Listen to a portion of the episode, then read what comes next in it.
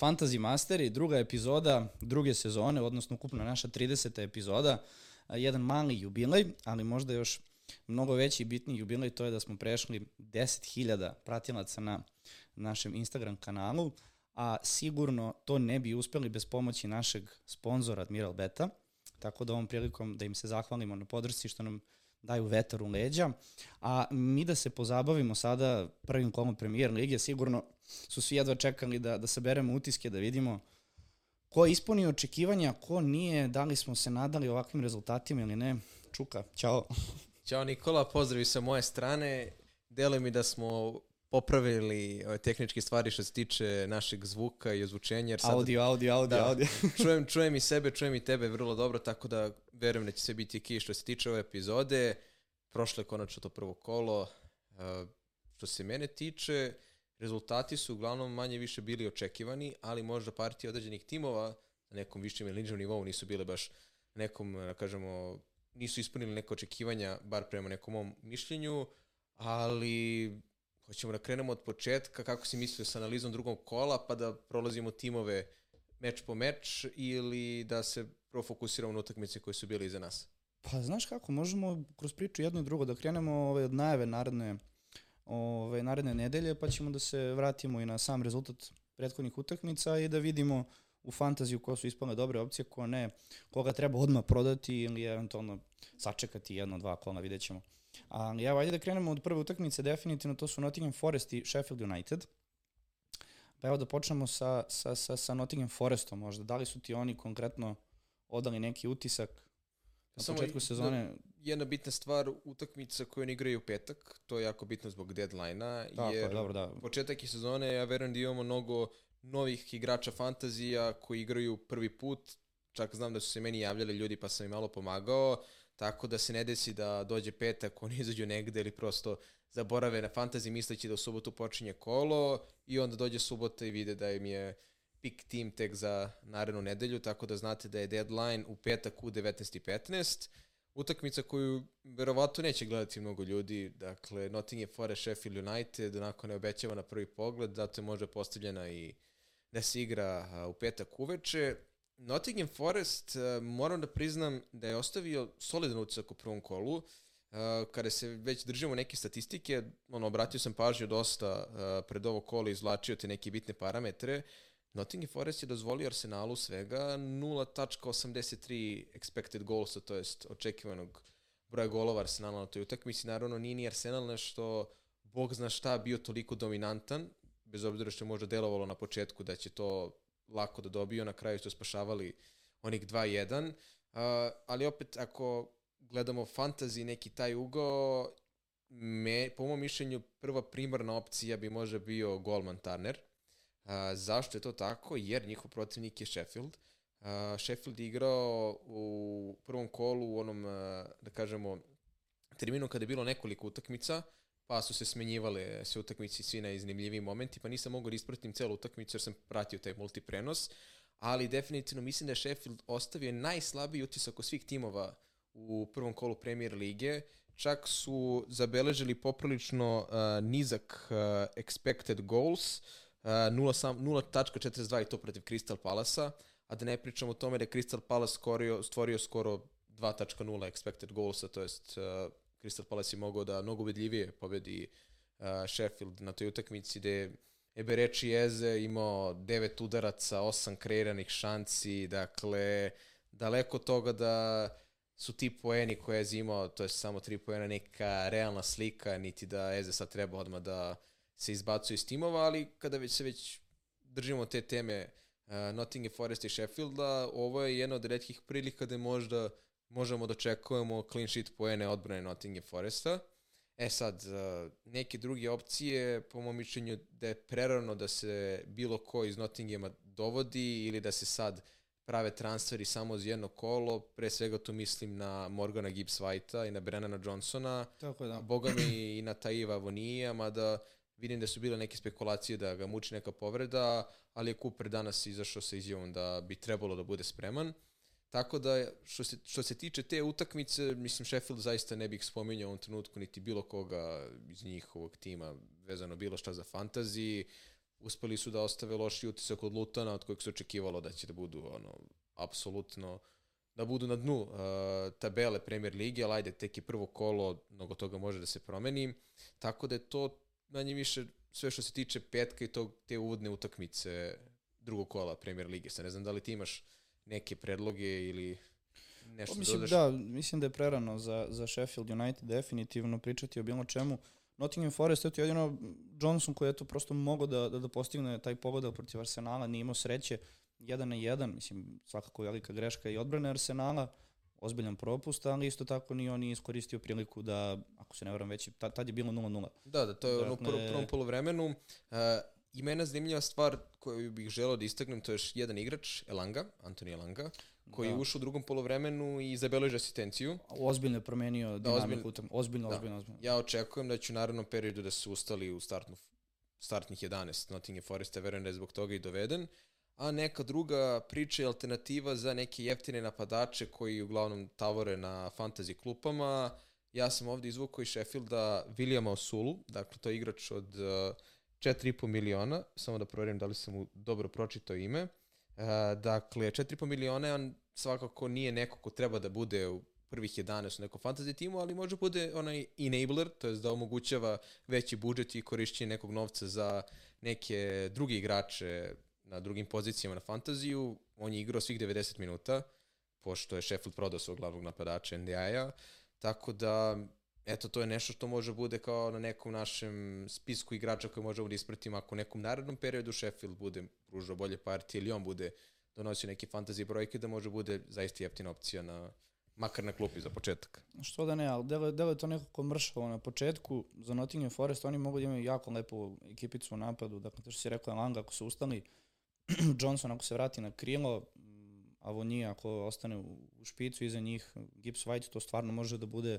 ovaj, četiri momka koja znaju šta rade, dosta su agresivni, ovaj, tako da može tu dosta poena da se ugrabi u fantaziju sigurno. Tu je sada možda najveći problem što je to Nottingham Forest, znaš. Ne znam šta da očekuješ konkretno od njih, ali nekako smo i mi od prilike proračunali da će oni ove sezone opstati.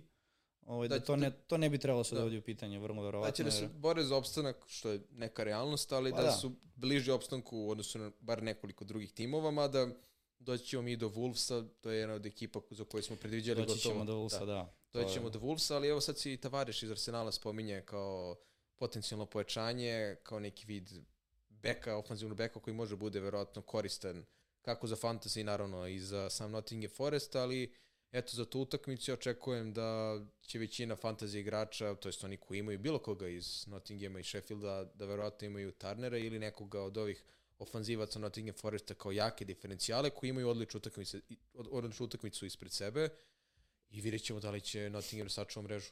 Tako, pa zapravo... i naša, naša podcast ekipa ima Turnera u, da. u ekipi. Ona mi je drugi izbor. Da, i verovatno ćemo da ga zarotinamo sa Onanom, jer je realnije čak da sad Nottingham sačuva mrežu protiv uh, Sheffielda nego Manchester United protiv Tottenhama.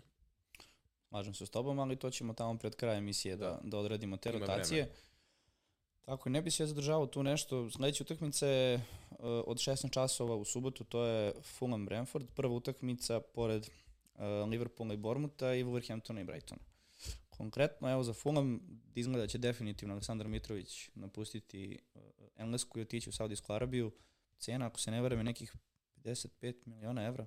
To dobro zapamtio. Tako, tako deluje kao da je to neka realna cena koju će Fulham da prihvati, mada meni više delo da nije pitanje cene koliko Fulham ne želi da pusti Mitrovića zbog značaja za celokupnu ekipu, ali mislim da će na kraju da popuste jer mislim da nikome ne ide u korist da imaju nezadovoljnog no. igrača. To je sad druga tema, pošto je kao Mitrović naš igrač. Da li je dobro što će da pređe u Saudijsku Arabiju, da li je dobro što će igrati za Al Hilal, a, to su već neke druge stvari, on očigledno želi da pređe tamo, Pa vidi, Al, ja. Al Hilal možda ima zapravo prelaskom Mitrovića i Bonua, ako se ne varam, i Sevilje. Uh, imaće možda i najbolju ekipu u Saudijskoj Arabiji. Dakle, na sredini terena uh, Neveš, Sergij Milinković, Savić i, i, i, i potencijalno Verati. Je li Neymar potpisao za Al Hilal? Neymar potpisao nijednom krilu mankom, ako se sećaš Brazilca koji da. je uh, bio u Zenitu do skoro. On je drugo krilo ovaj, i evo sad Mitrović u špicu. To je ozbiljna ekipa. Kulibali u, u, zadnjoj liniji, Bonu ako bude kao golman prvi, to, to je stvarno već, pazi, ekipa koja igra ligu šampiona da je u Evropi. Ozbiljna, da, ozbiljna. ozbiljna ekipa, tako da meni je to delovalo kao da, da je Fulham u jednu ruku digao ruke od Mitrovića kada je doveo Jimeneza, jer zaista sumnjam da bi njega doveo da bude neka rezerva Mitrovića, bez obzira što Raul postane povrede glave nije na tom nekom nivou kao što je bio pre u Wolvesima, ali odlaskom Mitrovića očigledno da će Raul da bude projektovana zamena, to je da bude starter. Ja i dalje mislim da Fulham bez njega ima dovoljno dobar tim da se da opstanu u Premier ligi, imaju kvalitetni igrače, evo sad su se još malo pojačali uh, dodatno u posljednjim uh, danima došao je Adama Traore. Mislim, u njemu isto možemo da pričamo o tome kakav je talent bio, koliko je zapravo bio projektovan kao neko ko može si da... Video, si im video objavu za dolazak Traore? Vidio sam samo fotografiju za cenu, nisam obratio. Znači nisi pa... video. Slika, ako se ne varam... A, a, a, um, Ulja bebi nekog. Naravno. Da. dakle, stoji ulje na, na jednoj od ovih, kako se zove, mesta na stadionu da. i sam, samo slika ulje. Bebi ulje i sve ti jasno ko dolazi. O, da, da, ajde se vratimo na, dakle, da. na najavu Fulham, Fulham Brentford. Šta možemo očekivati ovde? Dakle, deluje mi nekako da svi naginjamo više ka, ka Brentfordu, iako e, je... Da, da se mi vratimo najavi, one stvari koje sam ja izvukao, ajde malo da se pozabavimo Brentfordom. Uh, što se tiče Fulama, oni su imali dosta sreće u prvoj utakmici protiv Evertona, dakle, Leno imao 9 odbrana. 12 poena na fantaziju. On je najviše doneo poena. Dakle, od, najviše, da. da, 12 poena, gde je akumulirao negde oko 2.96, dakle, skoro 3 tog XGA ili XGC, to jest uh, X goal against ili conceded, kako god, da objasnimo ljudima, to je neki očekivani broj golova koji ekipa bi trebalo da primi na nekoj utakmici kada se vodi ta statistika, što je ozbiljna brojka, dakle da nije Everton bio toliko bezopasan, čak i bio skoro duplo bezopasniji jer je Fulham bio na svega 1,5. Uh, što nama može prosto da implicira da ćemo verovatno videti golove na toj utakmici, pre svega Brentforda, koji je protiv Tottenham ponovo pokazuje jednu solidnu partiju. Uh, ključna stvar koja je mnoge zanimala, ko će biti na penalima uh, u odsustvu Tonija i najverovatnije se očekivalo da to bude Mbeumo i upravo on to i bio. Postigao je Tako. gol, Vise je takođe postigao gol i Rico Henry kao neka druga, to jest najpopularnija opcija uz Bena Mija iz odbrane je zaista delovao vrlo ofanzivno, imao je i zabeleženu asistenciju, Tako da su to neke tri opcije koje su meni pre svega onako zapale za oko, bez obzira što se za MBU-ma i pre sezone pričalo da, s obzirom da mu je cena 6,5 miliona. To je, to je, to je bilo glavno da, pitanje. Da, da, i da je na sredini terena, da svakako ozbiljno mora se razmatri za neku fantasy ekipu i verujem da će ga još više igrača sada da dovedi isto kao i visoko neku jeftinu napadačku opciju. Ja mislim da ga mi imamo u našem timu. Jeste, imamo da, Visu, da. Imamo Visu u našem timu. Tako da od ove utakmice ja očekujem golove. Uh, to smo negde spomenjali da li ovako privatno uh, za odbranu Brentforda, koliko je Raja zapravo bio značajan. To smo možda pričali malo pre emisije, jer mislim da je Raja prošle godine u više navrata bio zaslužan zapravo za celokupan clean sheet odbrane i poene koje je donosio i mislim da Flecken možda ne može u tom nekom aspektu broja odbrana da sačuva Brentfordu mrežu na nekim određenim broju utakmica kao što je sačuvan, kao što je Raja zapravo sačuvao uh, prošle sezone. Tako da ćemo... Slažem se, pa ja mislim da od ove sezone jedina, jedina opcija za sada, makar na početku, priča Visa i, i MBUMA. Da. I to je bilo glavno pitanje. I Henry pozadi kao neka jeftina opcija od 4,5 miliona. Eventualno, da, ali glavno pitanje je bilo da li će MBUMA dakle, startovati kao napadač, odnosno da li će doći do neke promene formacije, eventualno dakle, da igra sa visom u špicu ili će ostati na sredini terena kako mu i prognozirano zapravo u fantaziju. Tako da je da. on jedan od redkih, ako pogledamo tu popularnu o, trojku MBU-mom i Toma Eze, svi su po 6,5 da. miliona, je to, tako? To su bili najveće enigme pred početak sezone. Tako je. Koga, da li dvojicu, ne verujem da, da je mnogo ljudi imalo svu trojicu, jer su tu morali da se da, da, pronađu i neki Saka, je, da. Salah ili neko drugi, da je uglavnom bilo jedan sigurno, dvojica već je tu, da, već se lomi ko je drugi, tri teško. Tako je. Ispostavlja se da je Mbeumo od njih trojice jedini koji zapravo igra u špicu. Da. Sad. I tu je prednost Mbeumo u ovom trenutku što se on na fantaziju vodi kao igrač sredine terena, to, što znači to, to, da svaki to, to njegov je... učinak donosi više pojena na fantaziju. To su igrači koji su za fantaziju uvijek bili popularni. Sjeti se samo uh, brojnih igrača kao što je bio Stuart Dallas, koji je bio uh, defanzivac na čuveni, fantaziju. čuveni danas, da. Pa dobro, imamo John, još Armisona John, John sada kao- Lundstram. Da, Da, bi, imamo, John ali je Richarlison, da. to je- Mada mi deluje da će ipak potražiti nekog novog napadača. Pa deluje, deluje definitivno, ali evo, dakle, glavno pitanje je ako neko ima MBU-ma, može biti zadovoljan i nikako, nikako da ga vadi Isto važi, svoje važi i za. Visu, kao i diferencijalnog napadača, jer ima dosta manji procenat Tako, eh, je, prošlu nego- epizodu, prošlu epizodu sa Aleksom kad smo sastavljali, sećam se te rečenice, ajde da stavimo Visu da pokrijemo MBU-ma. I čak je pokrio osta- jer je bio tri bonus poena. Zato što kad napadač da Tako gol, je. to je jedna bitna stvar. Uh, Često se vodi polemika uh, na stranici i komentarima da li je taj uh, bonus point sistem nepravedan. No, nije nepravedan, on prosto prati te statističke norme koje su postavljene prvo od strane aplikacije, a potom i od opte koje prati celu tu statistiku. Dakle, mi za napadača znamo da kada napadač da gol, da on dobija mnogo više poena u bonus point sistemu nego vezni igrač ili neko defanzivni igrač.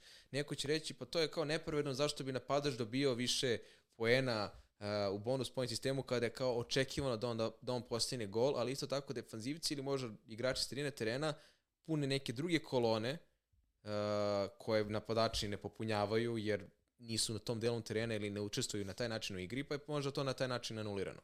Prosto.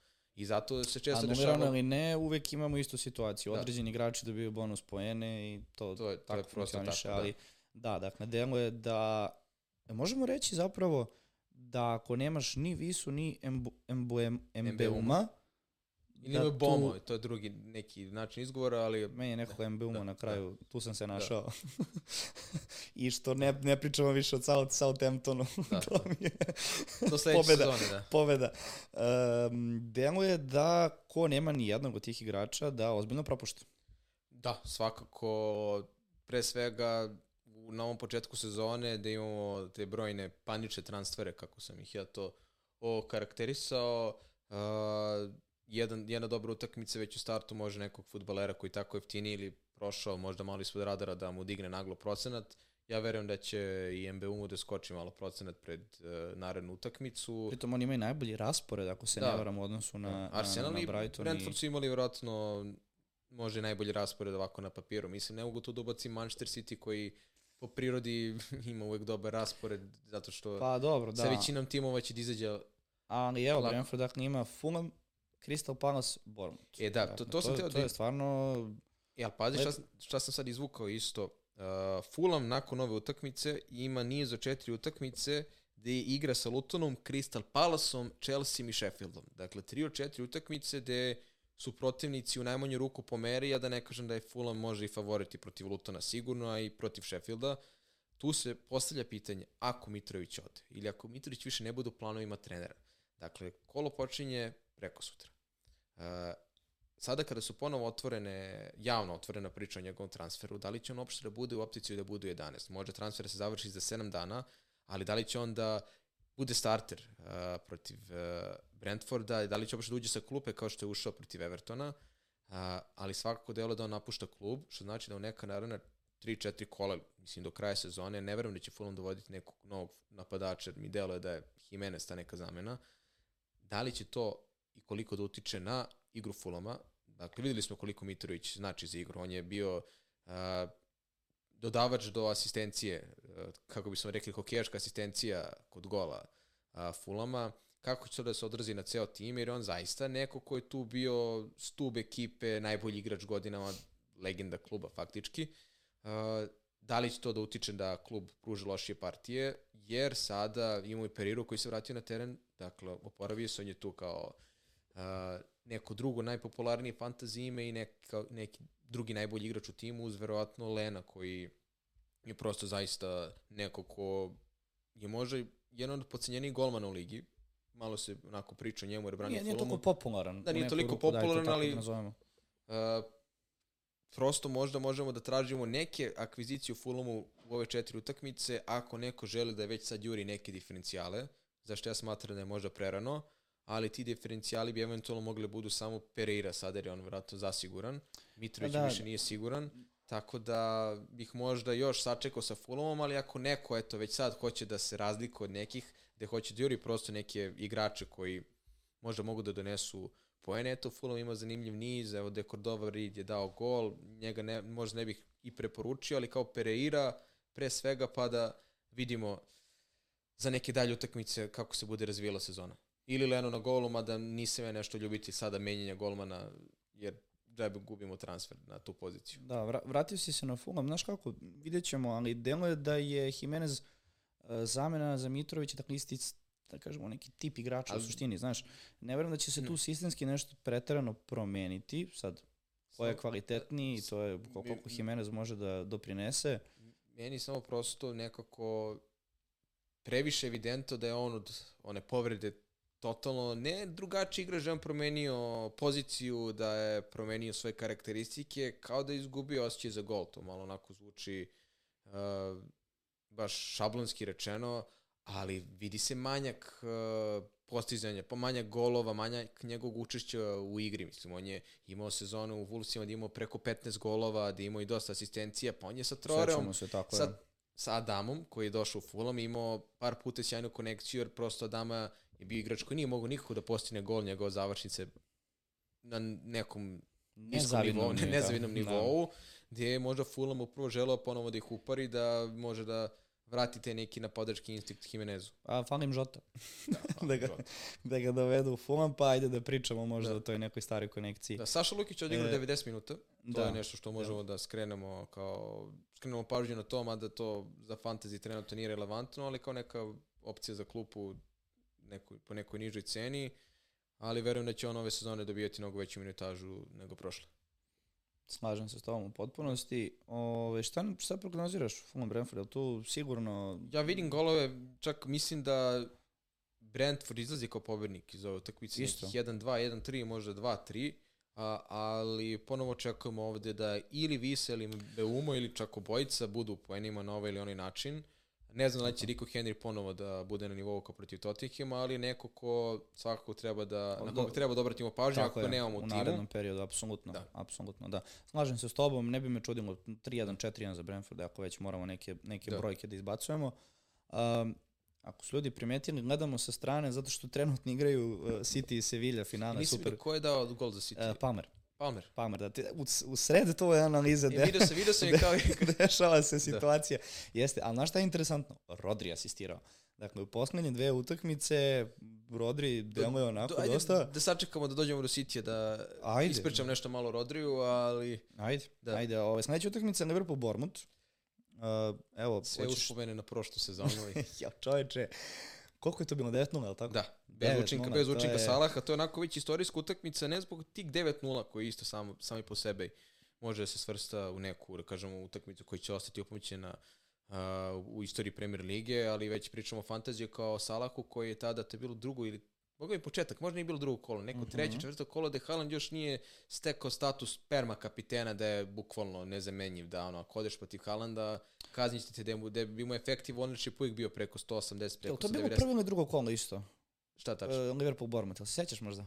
E, znam da je Parker posle toga dobio otkaz, ja mislim da je neko treće ili četvrto, ali Aha, svakako... dalje je čak bilo. Da je, mislim da je to svakako početak sezone. Prvo kolo Liverpool igrao sa Fulhamom, može biti da je drugo kolo, Jeste, da. da, može Da, biti čak da je drugo čak. Može biti da je drugo kolo, jer znam da je, da je Manchester City u drugom kolu, ne, Manchester City u drugom kolu igrao sa Bournemouthom kod kuće. Jer se sjećam da su da je Arsenal igrao sa Leicesterom, a, i Čekaj, je a City igrao protiv Newcastle kada? Treća utakmica. treća ili četvrta na St. James Parku.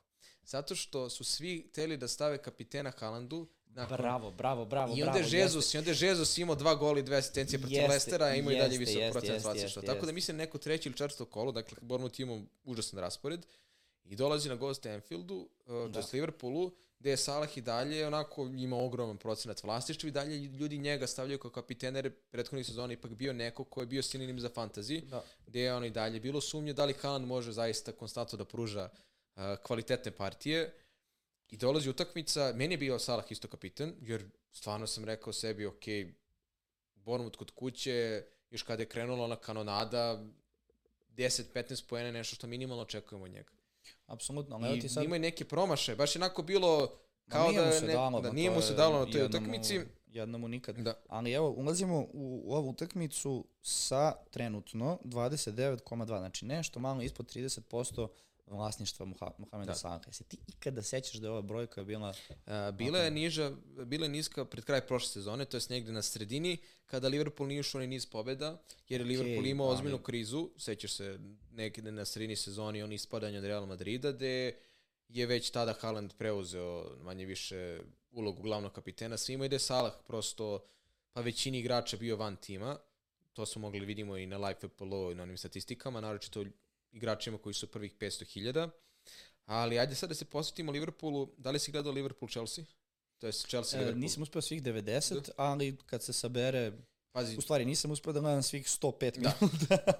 Toliko će postati otprilike prosek ovaj, svake Dakle- utakmice, ali boga mi, deluje mi na kraju da se Liverpool izvukao. da, prvih Ozbiljno. 20-25 minuta sam mislio da će Liverpool lako da reši Chelsea, lep početni gol, Salah asistirao Diazu. Onog momenta kada je Salahu poništen gol na asistenciju Aleksandra Arnolda, nizbrdo. Da. Dakle, u tom trenutku Chelsea kao da preuzima inicijativu, mislim nije kao, zapravo je to uradio, daju gol Chilwell Disasi, poništen gol Chilwellu posle, drugo polovreme.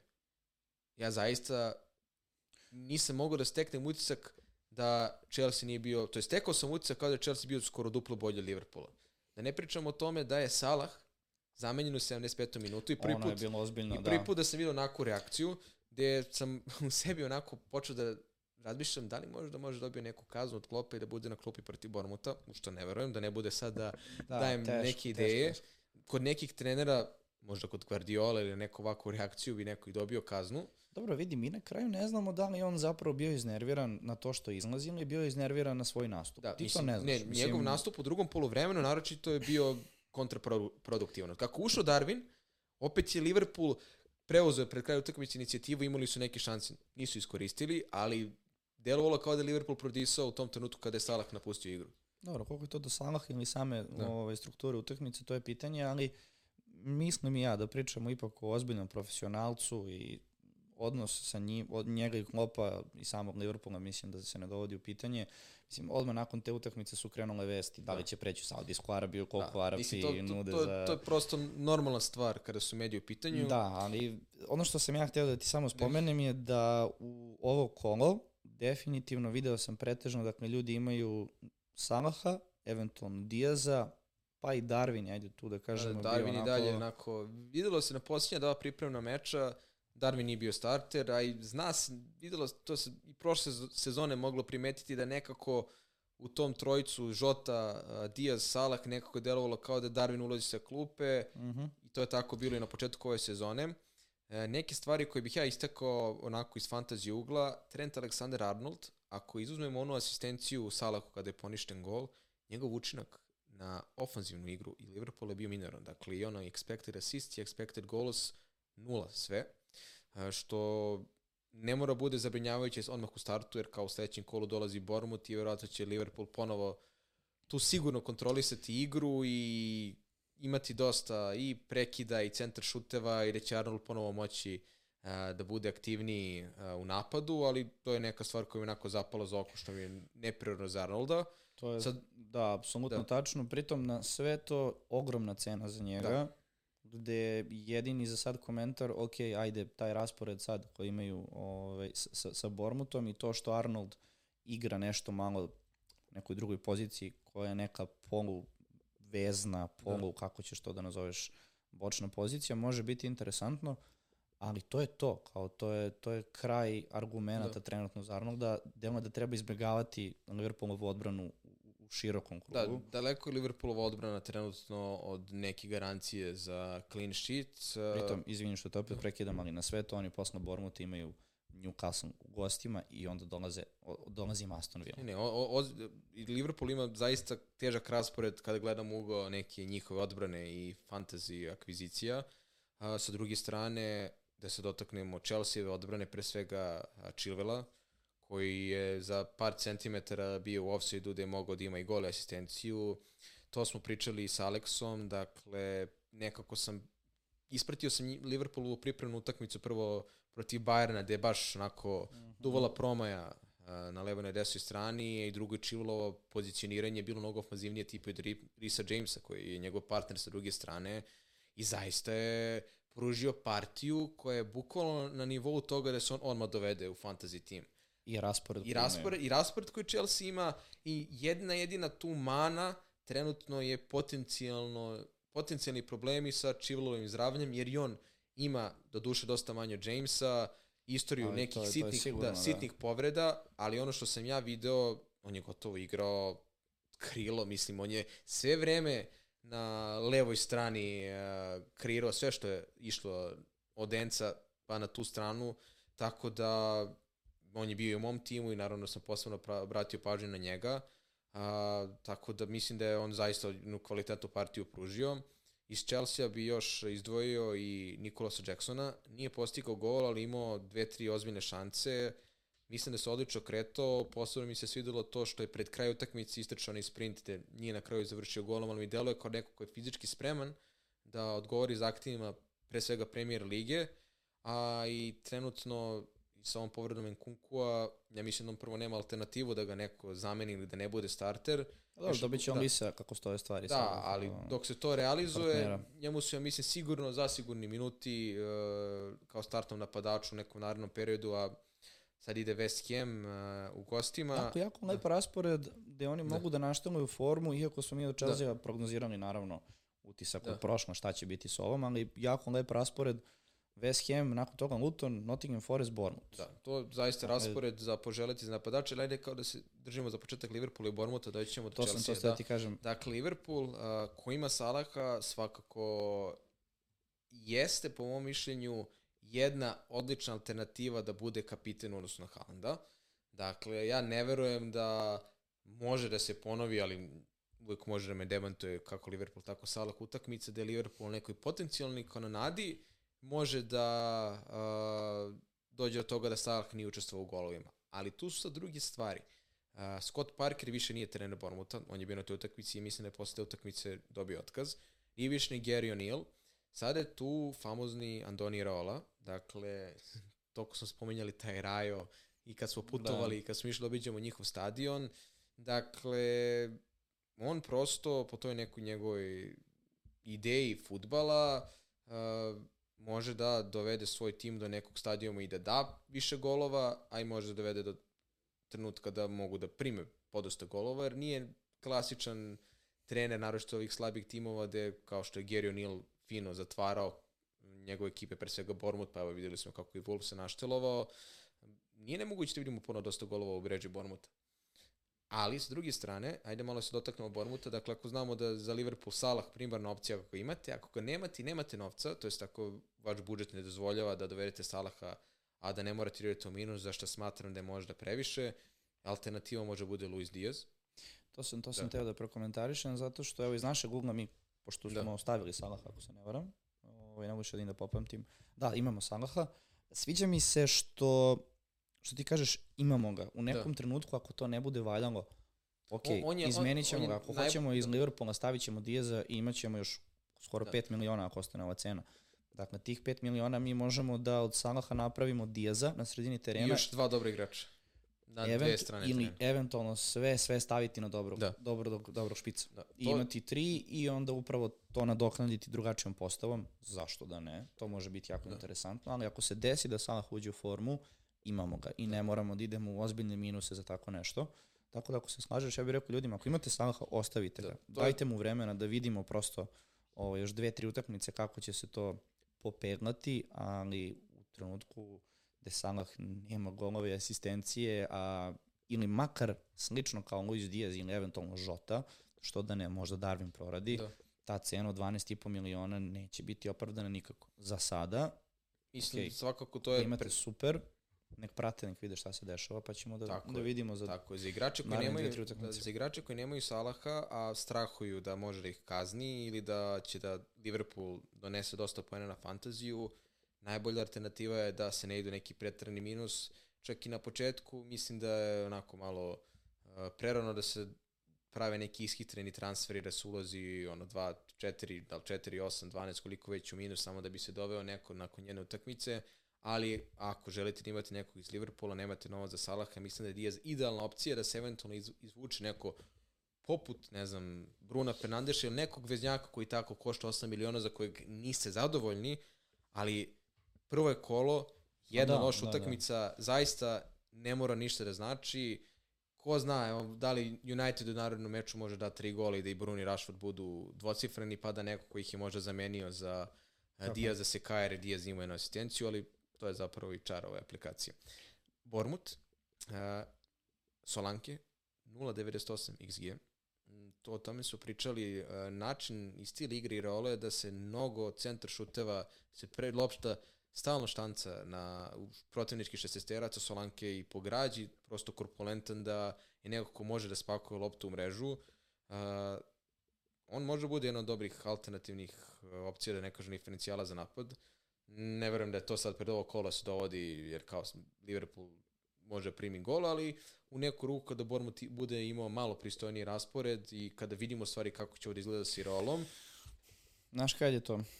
To je jako, jako daleko. Da, mislim... Dakle, imaju Liverpool, Tottenham, Brentford, Chelsea, Brighton, Arsenal. Da, ali ako Solanke uđe je... neki niz e, dobrih utakmica gde onako konstantno donosi poene, mi možemo pričamo o igraču koji je otporan na utakmicu, to je otporan na raspored, da se ne vezujemo toliko, a da Bournemouth igra sa nekim jačim ekipama, jer je većina timova u premier ligi jača od Bournemoutha. Dakle, tu je jedna bitna stvar za fantasy. 6,5 miliona. Da. Trenutno, to je, to je jako, jako dobra cena. Mislim, dobra cena u smislu ovaj, visine, da. ovaj, 6,5 miliona, ali imaš Žao Pedro koji je 5,5. Dakle, imaš ozbiljne opcije, Ferguson, ako se ne varam, isto ispod 6,5. Ferguson je... Pa Pedro je 5,5 uh, miliona. Pedro je 5,5, da. a Ferguson je 6... Nisam ispratio. Ferguson je, Ferguson je 6, tako je. Tako je, Ferguson je 6. Dakle, Avoni 6,5.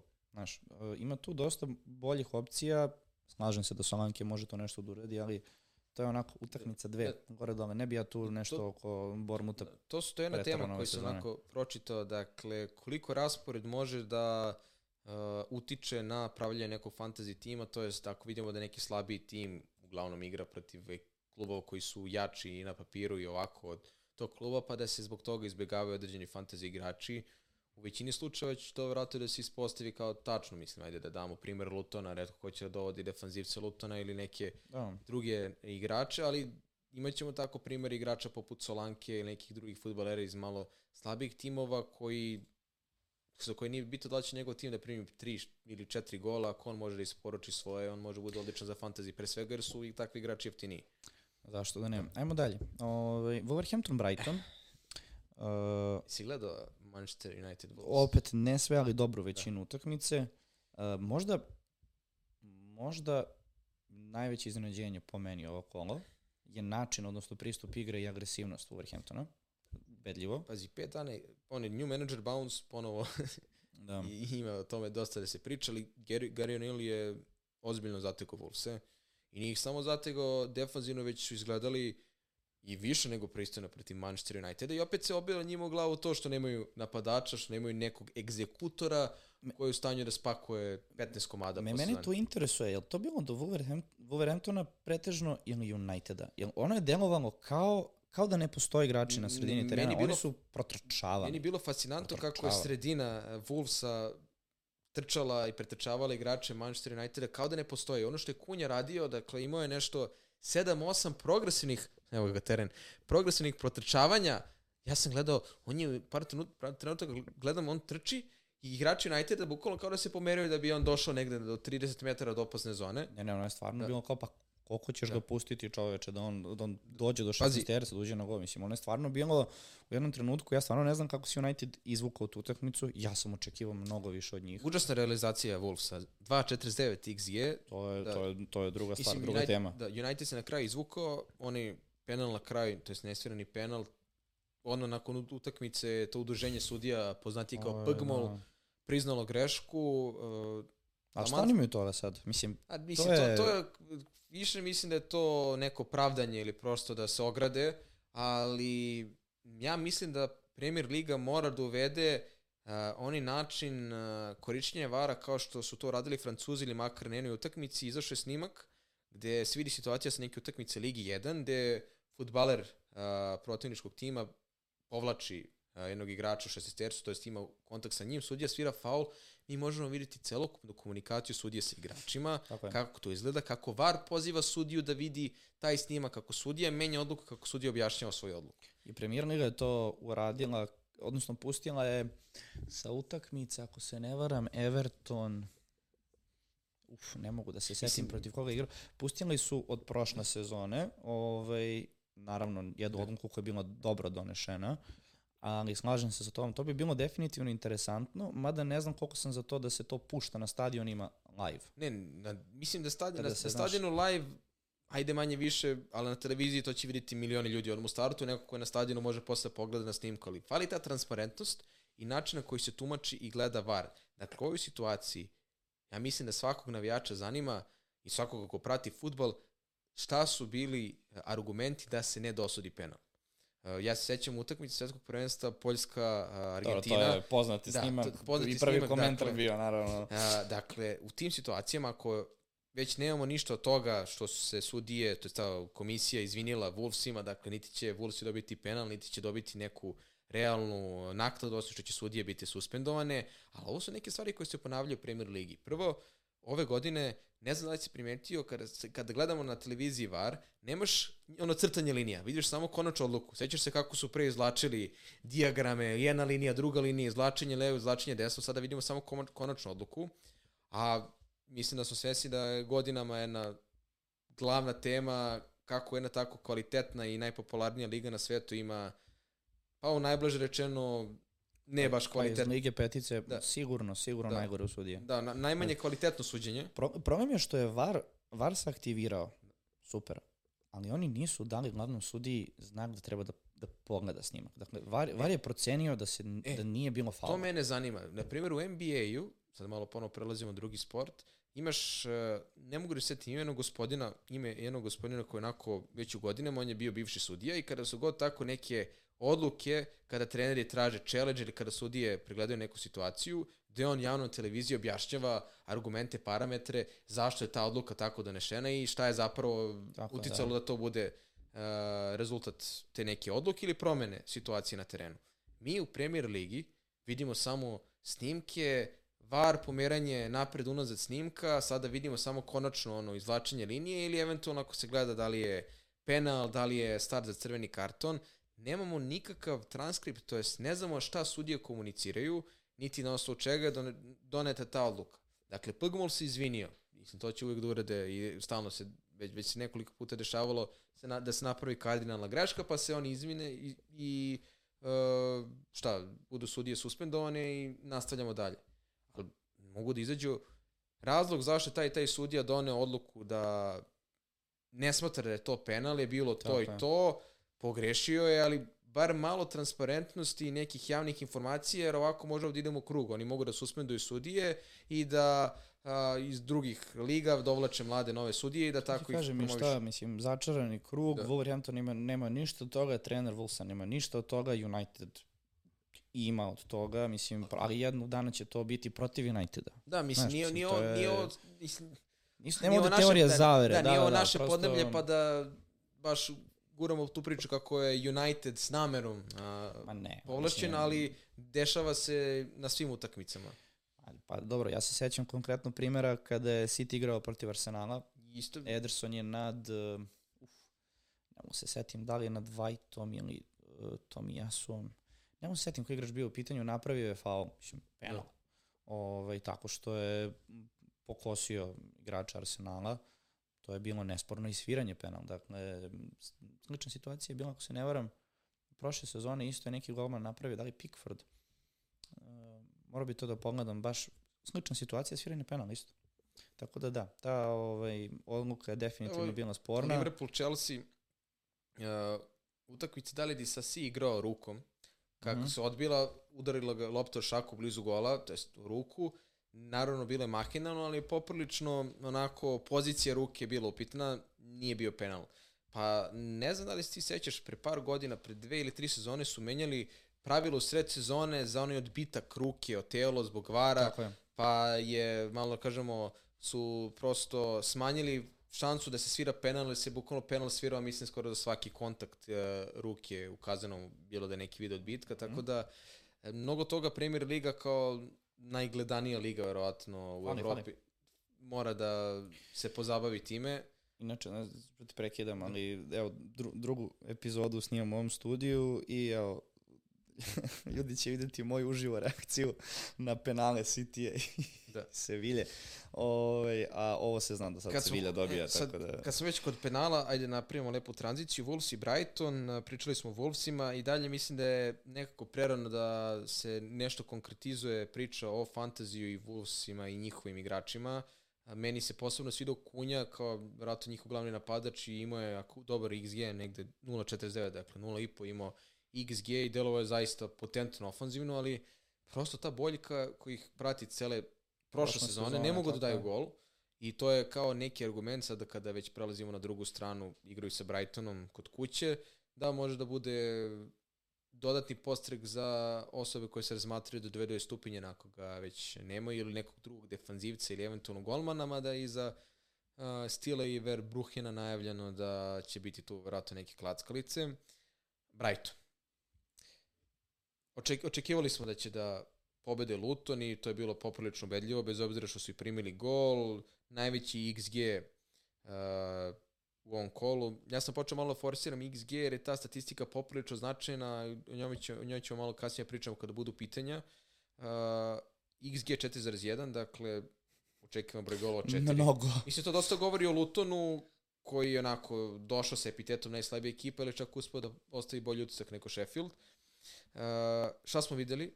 Joao Pedro na penalima, čak i promašio nevjerovatnu priliku A, na da. početku utakmice, ali to su jako bitne stvari na početku sezone, naročito kada se već držimo fantazije, ko izvodi penale. Naročito, to jest posebno u timovima koji nisu pri vrhu tabele, koji imaju igrače koji su jeftiniji i koji su tu konstantno uh, potencijalna šansa da se donesu neki laki poeni. Naravno, ako se promaši penal, sve to pada u vodu. Dakle, Žao Pedro je bio startni napadač. Evan Ferguson je ušao sa klupe i ponovo je postigao gol, što ne mora da znači nešto da će već u sledećoj utakmici da startuje, ali ja sam ubeđen da će biti rotacija u toku sezone, naročito kada krenu evropsko takmičenje, a Brighton će da igre Evropa ove godine, da će tu da bude malo rotacija i da to može onako malo da pokvari fantasy planove. Ja mislim da je Aleksa u prošloj epizodi uh, ili neko na stranici spomenuo uh, Solija Marča. Dakle, mi tome... Da, spomenuo je... Da. Da. Aleksa je spomenuo. Da, dakle, većinski fokus je bio na Mitomi kao nekom primarnom ili sekundarnom futboleru Brightona, jer su većin, jer je većina igrača, to je polovina imala je stupinjena.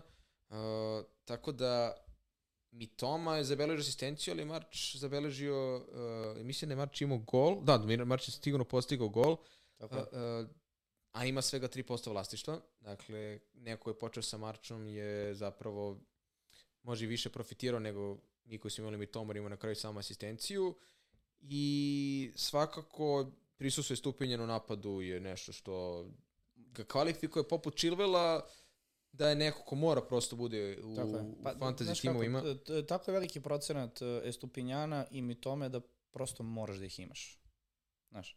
I to je onda sad pitanje da li ćeš ti ići na, na, na, na trećeg igrača kao što je Žao Pedro, jer popularnija je definitivno opcija posebno sad zbog penala u odnosu na Marča, ili ćeš ostati sa dva igrača Brightona, to su Mitoma i Bože Muno, e, Estupinjan i, i, i Mitoma da. i da prosto vidiš Evo, iz, iz, sad sam baš čitam sta- statistiku koju sam izveo, stupinjen 0.86 expected assist, dakle očekivane asistencije 0.86, to je skoro jedna asistencija.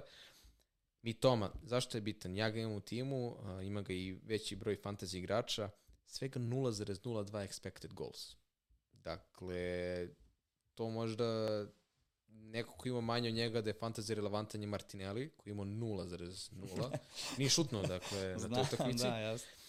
A Marč imao 0.55 XG, tako da, eto, teme za razmatranje, vrlo moguće da to može se promeni već u sledećem uh, kolu, ali to su čisto neke statističke igre uh, da ljudi prosto znaju na čemu su. Pedro 1.30, ali penal donosi 0.73, pa je to manje više konkretno više Ja, od pa pola. posto si matematičar od ove sezone, to mi se malo ne sviđa. Dobro, ali smanji, smanjit će Malo, matematiku. mora malo i srce, mora malo. Naravno, pa dobro, mislim, na početku sezone je bitno da se tu u startu nekako izgradi neki... Evo, šta očekujemo od ove, od ove utakmice Wolverhampton i, i Brighton? Ja, mislim, Ja, ja mislim da Brighton, da je Brighton kvalitetnija ekipa, ali on, onakva partija Wolves u prvom kolu mi daje za pravo da mogu da verujem da Wolvesi mogu da budu tvrdorak, neki nerešni ishod, mislim, niko ne garantuje da Wolves ne mogu da pobede Brighton. Nije sad Brighton nepobediva ekipa, ali da je, na, da su, na primjer, da je Brighton gostovao Wolvesima u prvom kolu, da nismo mogli da pretpostavimo kako će da odigraju, ja bih o da, to bi...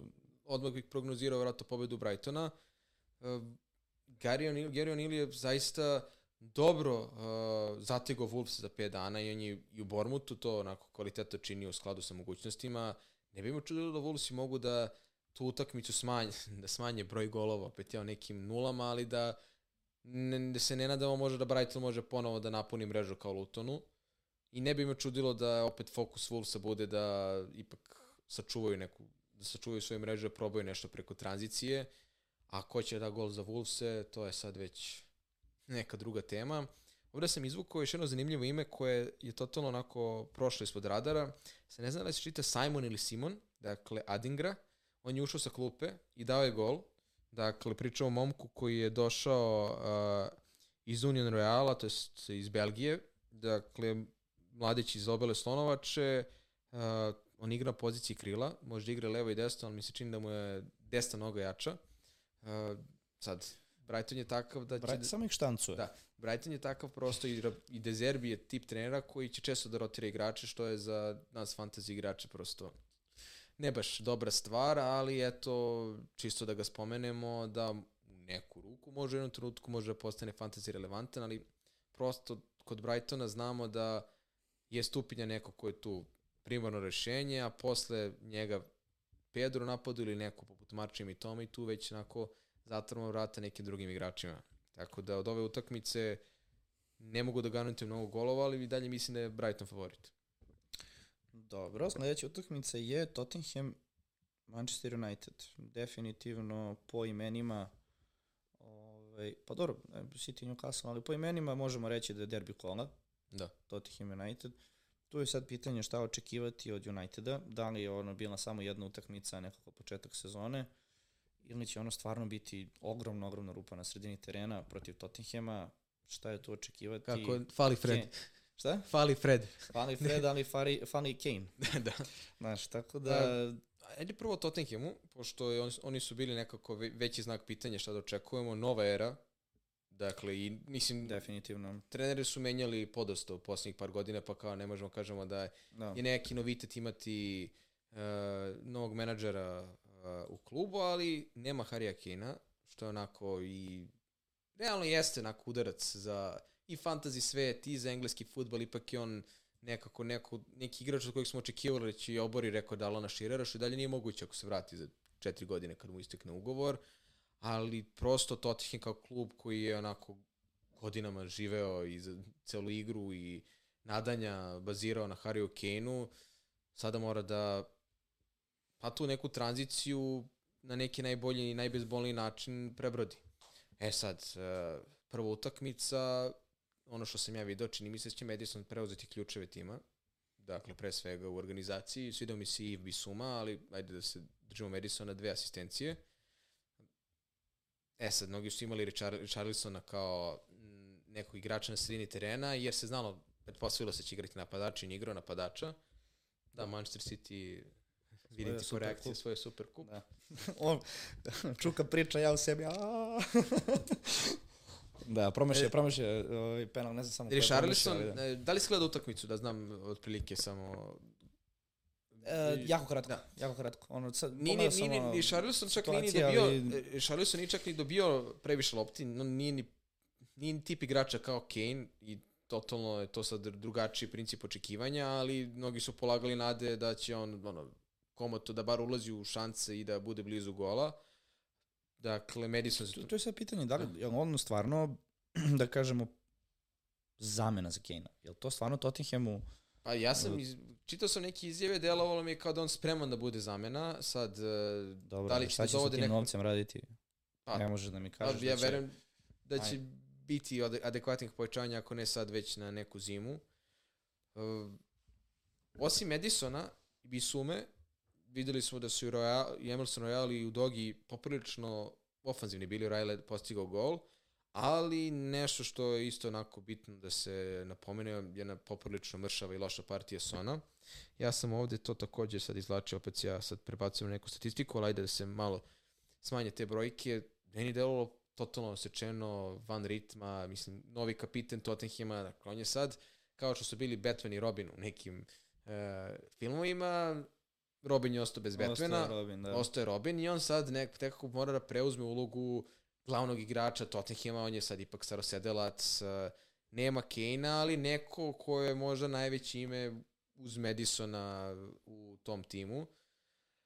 Nije prosto delovalo ono dobro, naročito ako sad gledamo iz nekog ugla fantazije, jer sam si ja nadao već da će na početku da pokuša da napravi neku razliku, da stavi do znanja da je on sad glavni u timu, još je i pre sezone rekao kako je rešio probleme sa povredom, kako je prošle sezone zapravo imao te neke poteškoće da je operisan, ali ajde, opet prva utakmica, dakle za sve mečeve, za sve timove, prosto moramo da uzimamo te neke stvari sa rezervom, kao što se prvi mačići baci u vodu, ne mogu sad da kažem, es, on će celu sezonu da... Dobro, ali evo od ove utakmice Tottenham da. United, evo konkretno šta očekivati? Dakle, Ja očekujem golove, dakle i Tottenham i Manchester United su... Od ove sezone si odlučio da, Da, pa, svaki utakmice očekuješ golove. Mislim, statistika je, mislim, neki će reći da je statistika bikini, ali u futbolu, naročito u fantaziju, dosta toga otkriva i naročito pomaže fantazi igračima, ali ja ovde vidim, naročito kada izvučem statistiku Tottenhama protiv Brentforda i Manchester Uniteda protiv uh, Wolvesa, da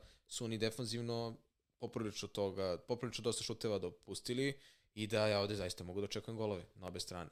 Sa tim što je Onana u par navrata bio sjajan protiv uh, Wolvesa i spasio uh, mrežu Uniteda, uh, to Vicario nije uspeo u ovom slučaju u dresu Tottenhima.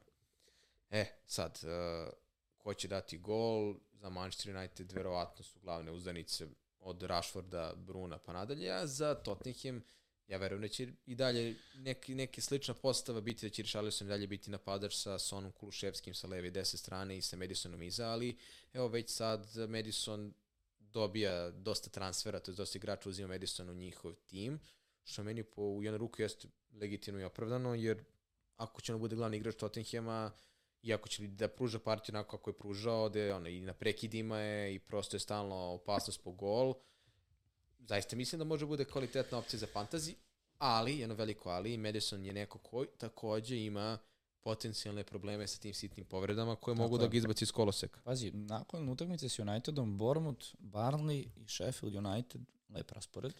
Da, to, to sam ovde naveo, Le- tako da... Interesantan da. pik, vidjet ćemo posebno koliko će mu se procenat vlasništva podići, dakle ako to ode nešto enormno visoko, onda već dovodimo u pitanje da li prosto moraš da ga Da. imaš da ne bi gubio Da, bodove. Madison 0.94x-a, mislim, opet ja možda dajem i sa statistikom, ali to su ozbiljne brojke. Na kraju ćemo se pozabaviti šta su te x-a, xg, ako neko ne zna, da verujem da je dosta ljudi već upućeno u tu statistiku.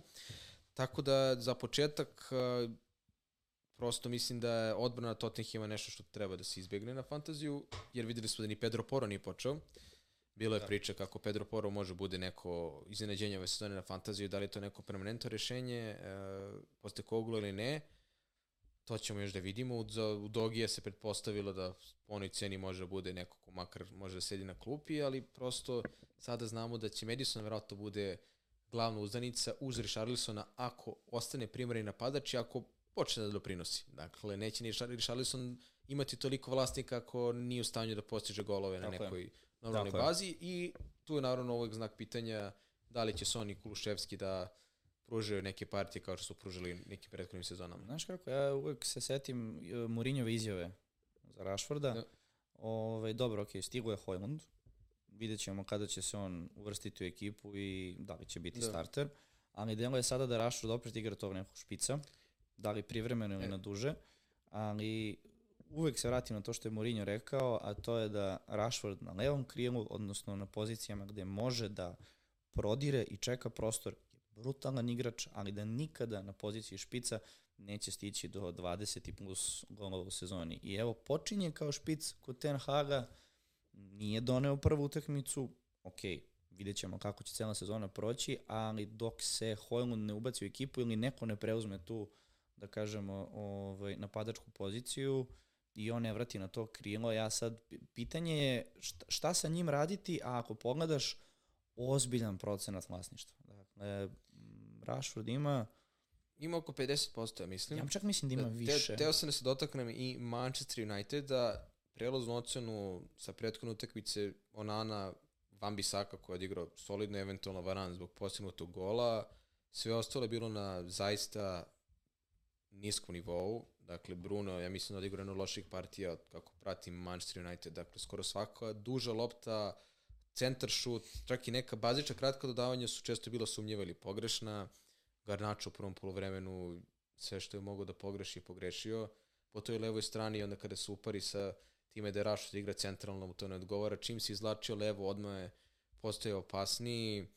E, čak je Mount izvodio prekid u startu pa je Bruno preuzeo, pa ne mogu sad da steknem utisak da li je to neki dogovor da se menjaju izvođači ili će Bruno ipak da ostane, ali ajde tek je početak, vidjet ćemo kako će to da izgleda u nekim drugim kolima.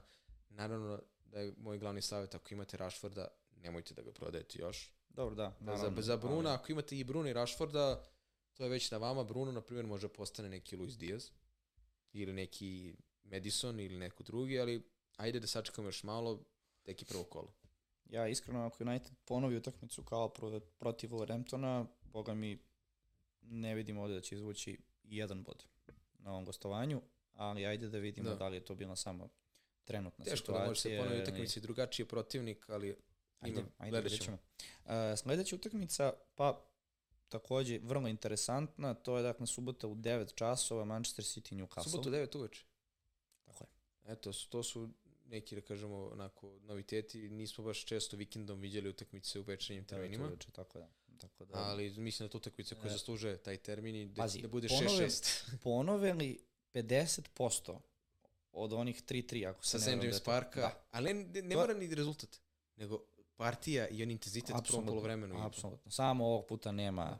Maksimena, Ali, Hvala, znaš, doviđenja. Harvey Barnesa, Prijatno, neka, neka, nema, nema onog Da. ludaka da trči onako Da. po krijemu, ono on je, on je mog utakmicu Da. karijere. E sad. Da, da zamenimo uloge, pošto si ti navijač Manchester City, a verovatno si gledao Manchester City i Burnley. na iznenađenje svih koji prate sad, ko te Da, ne mogu. nisam. A, pitanje za tebe je sledeće. A, Šta da li misliš da je City rutinirao Burnley, da je bukvalno igrao na nekom autopilotu, nekih 60%, ili delovao onako i dalje nedovoljno naštelovano, sa brojnim nedostacima, pre svega u kadru, još kada je De Bruyne izašao zbog povrede? E, igrali su sa 15% otprilike. Dakle, to, to meni je delovalo kao da su igrali onoliko koliko treba. A, Da, apsolutno, apsolutno. Igrali su sa pa i 15%, eto, koliko, koliko mogu da, ono, Haaland je otprilike, ajde da šutnem dva puta, dobro, to je to, ajde da završimo utakmicu kako treba. Stvarno, City je mnogo bolje otvorio ovu sezonu, imao je mnogo bolje pripreme u odnosu na prošlu. Mislim da su uzeli Community Shield, već bi to bila dva trofeja kroz A dobro, da, mislim, community i ovaj super kup, to su stvarno kao, ajde, marketinški. Ono. Pa, mislim, ako i toliko, da. Ali, okej, mislim, neko lepo iskustvo osvojiti tako neki trofej, ali ništa više od toga, mislim, Ju si pravo uz jednu stvar. Šta? Mislim, žao mi je, ali rekao si De Bruyne neće biti do nove godine. Jao, na kraju znači... I vraća se. Da li misliš da, je, da su ga prerano? E, pa, pazi, pr prve informacije stvarno su bile nakon, nakon finala Lige šampiona da će on odsustovati do kraja sezone, 2000, odnosno do kraja kalendarske godine 2023. To je stvarno bila prva informacija. Da bi se nakon toga javila eto kao informacija, ok, bolje je, proći će kroz preglede, ta predsezona, vidjet ćemo kako šta, gde se on na kraju vratio u predsezoni treninzima, svi su bili iznenađeni, otkud on, krenuo je da igra na, u predsezoni i evo sad, ovaj, igrao je Community Shield, i igrao je sad ovu utakmicu, vratila mu se identična povreda, identični mišić, identična noga. Dakle, očigledno da tu nešto nije dobro određeno kako treba i sad je to, da kažemo, mnogo, mnogo ozbiljnija povreda i mora da operaciju. To je, to je suština. Dakle, on ako, ne za, ako zaleči povredu nekom fizikalnom terapijom, postoji velika šansa da će mu se to vratiti. A on već ulazi u neke ozbiljnije godine i to je pitanje da li uzeti takav rizik i ako mu se ponovi opet do kraja sezone, to je pitanje da li će ikada moći da ovaj, nastupa opet na tom nivou ili jednostavno žrtvovati, žrtvovati ga do kraja sezone, odraditi ovaj, tu operaciju, da se oporavi, vrati se na, na, na proleće u neku formu i ajde da vidimo. Dakle, Dakle, dakle opera- da to, on je totalno Operacija out. garantuje onako oporavak. Pa da, mislim, Mislim, pravi oporavak. Meni, meni isto deluje da ga nažalost telo izdaje polako. Pričali smo i privatno o tome i pre, onako, počeli su povrede da ga prate, da možemo kažemo da je ono, hronično već. Da. Uh, ovo je ozbiljan udarac za kompletan sastav Manchester City koji je već i, i pre Pa, povrede da, igrač. ne, i pre Mislim. povrede ajde što je bio ključni Haaland. igrač tima da ne kažemo jedan od najboljih igrača sad kada već tu ima i Haalanda ali neko koji godinama tu važio za glavnog Veliki, veliki Da. udarac. Vidiš da će sad očigledno paketa da se dovede za abnormalne novce. a mislim tebi sad fali igrači u, u rosteru to jest u sastavu Fali Pre- igrač u sredini i pre povrede Da, Kevina. e, to je problem što je sad- A sad, da, sad fali Dobra, još jedan. da dobra stvar što je Bernardo Silva pristao da produži ugovor, ali ima To je, to je izlaznu najbolje pojačanje ove sezone za City. Jesi video Držati klauzula 47 miliona za sledeći, da može da ode sledećeg leta? Mislim da se Ja to nisam pročitao. To, gde si Čini to mi se video? negde neko tako blizak Manchester City objavio, ali to nisam siguran da je provereno, da ima klauzulu da može za 47 miliona da ode sledećeg leta. Znači u Barcelonu. Ili u Al Hilal, Al Nasr, No, gde god. da. Pa dobro, mislim, a to, to mi je Da. malo čudno, proverit ću to Da. baš da vidim. To, to je nekako preniska cena za njega, ali E sad, šta očekuješ od utakmice? šta očekujem? Ne znam. Ne Mislim, znam, dakle, ajde- uh, kod kuće se igra, igra se na Etihadu, pa eto, to je možda kao, ajde malo bolja situacija po City. Uh, ako neko ima defanzivca City-a, mislim to sad treba da se definitivno izbegne, dakle, taj čuveni Stones, svi smo ga imali. mislim, imali su ga mnogi, pa obojice nisu Da, igrali. dobro, pretežno su ljudi imali Da. Stonesu, ma, manje toga što više. je tako Može ofanzivno mnogo više Tako je, ovaj, dakle, on je dalje povređen, pitanje je da li će se vratiti ili ne, nije toliko strašna povreda, Dijaš je zapravo okej, samo je to neki protokol ovaj, iz udarac u glavu koji on mora da ispoštuje, zato nije igrao uh, uh, večeras protiv Sevilje, a već protiv nju kasno postoji šansa da se vrati. A Stones? Uh, Stones mislim da neće igrati. Mislim sad, ajde, to je Da. Pep. Da li će on ovaj, uspeti da se oporavi, da li će ga staviti na sredinu, pitanje.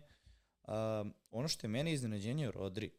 Evo, sad se pokazalo kao jedna vrlo interesantna opcija. Dakle, asistirao je Palmeru za, za izjednačenje. Uh, jako dobra utakmica ovaj, protiv Barnlija.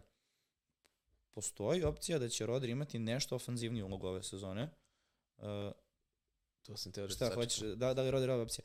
Ne, to, to je sad E, pitanje, znaš. On, prva- uh, Prva Reci. stvar, video si da je preko 100.000, moguće će to preći 200-250.000 ljudi, ljudi, da su Jeste, 250.000 jeste, da. ljudi dovelo Rodina fantasy. Video sam jedan, jedan jako zanimljiv komentar kao, pa ne dovode ljudi Rodrija zbog toga što će biti novi Gundogan ove sezone. To je neko napisao. I onda sam počeo da razmišljam o tome.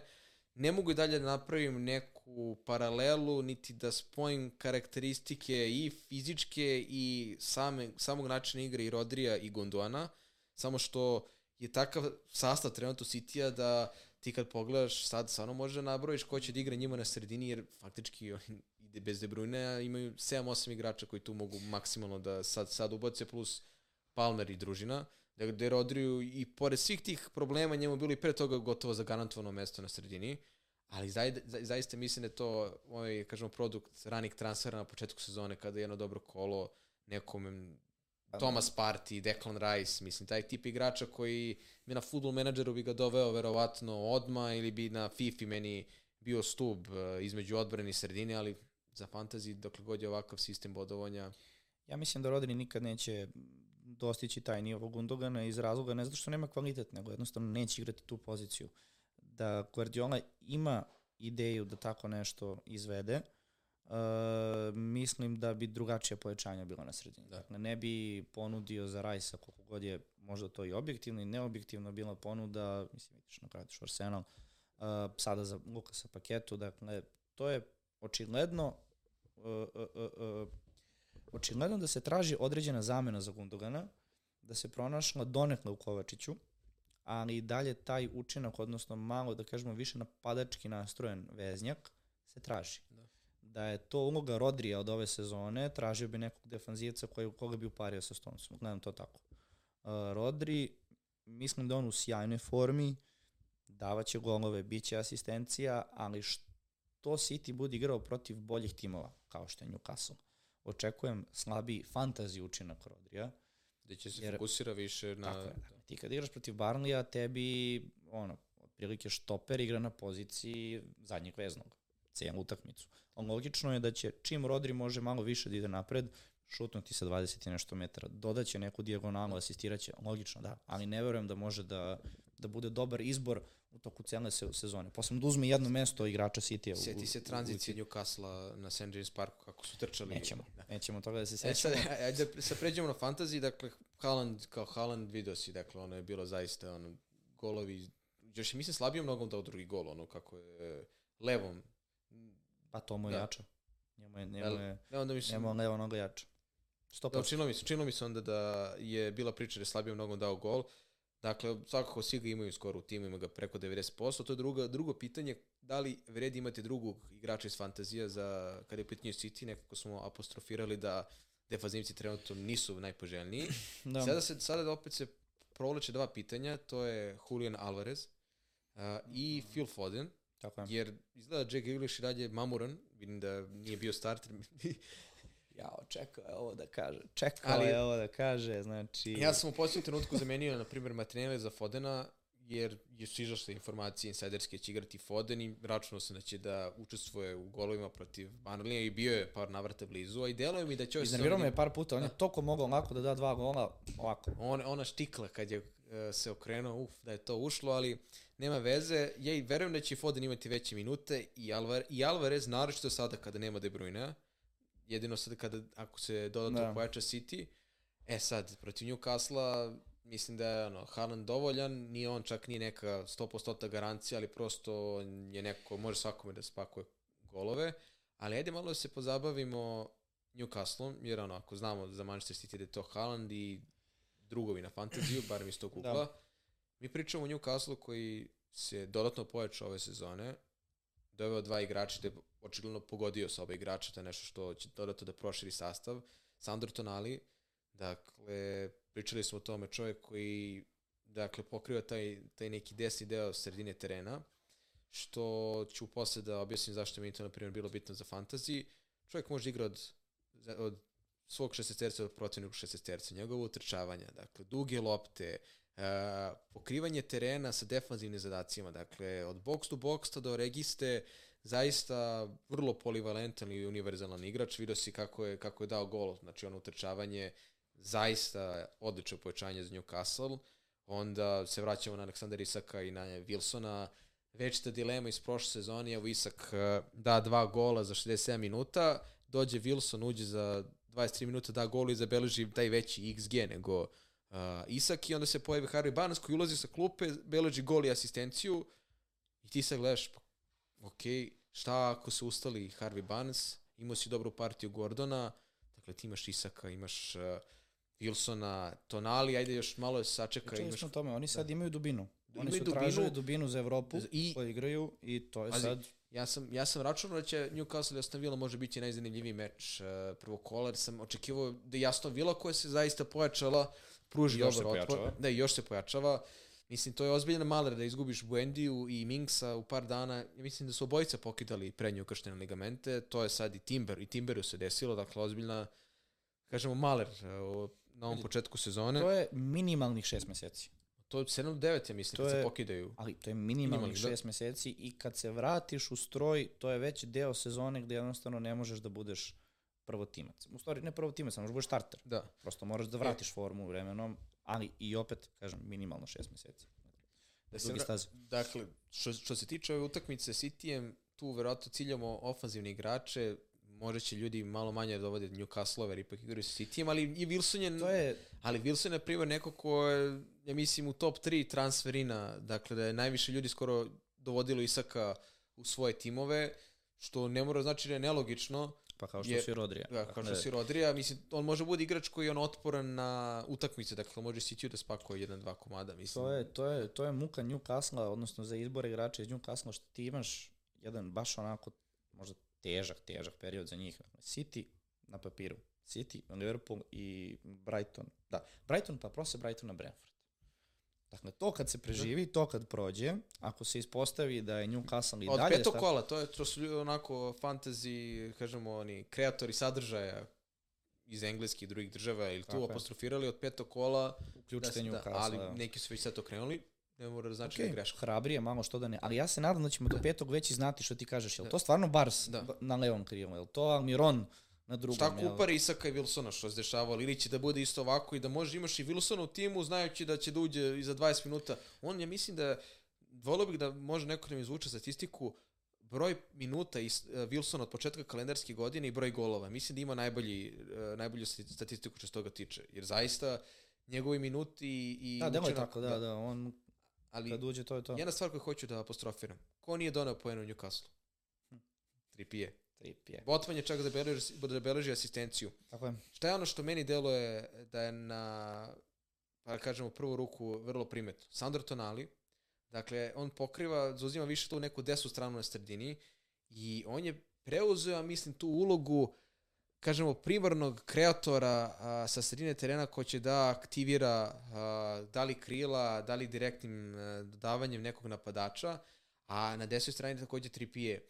Činilo mi se da sam u par navrata, opet ja pokazujem na ovaj teren, video kako bukvalno to nali na toj nekoj poziciji, bukvalno bliže out liniji, nešto što je Tripije prošle godine. da ga guši. U, u, pa ne mogu kažem da ga, da ga fantaziju guši, da, ali da je Tonali preuzeo većinski deo te primarne kreacije koje, koje pre svega utiču na bonus poene.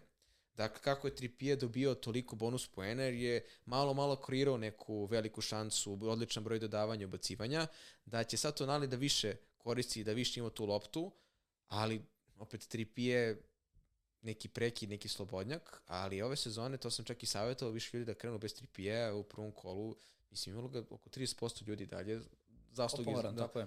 I, i skuplje za 2 miliona, to je ona bila priča Botman 3 pije, Botman 4,5 miliona, donao više pojena 3 pije, bez obzira što je napadački možda, to je sigurno manje potentan, ali to su neke stvari o kojima treba da se razmisli, neka dodatno ljudi obrate pažnje kada budu gledali Newcastle, da vide da li će to nalide nastavi da on će 90% da igra i dalje po toj desnoj strani, desni half space, i da on prosto preuzima a, te lopte i da on bude taj inicijalni kreator i začetnik akcija.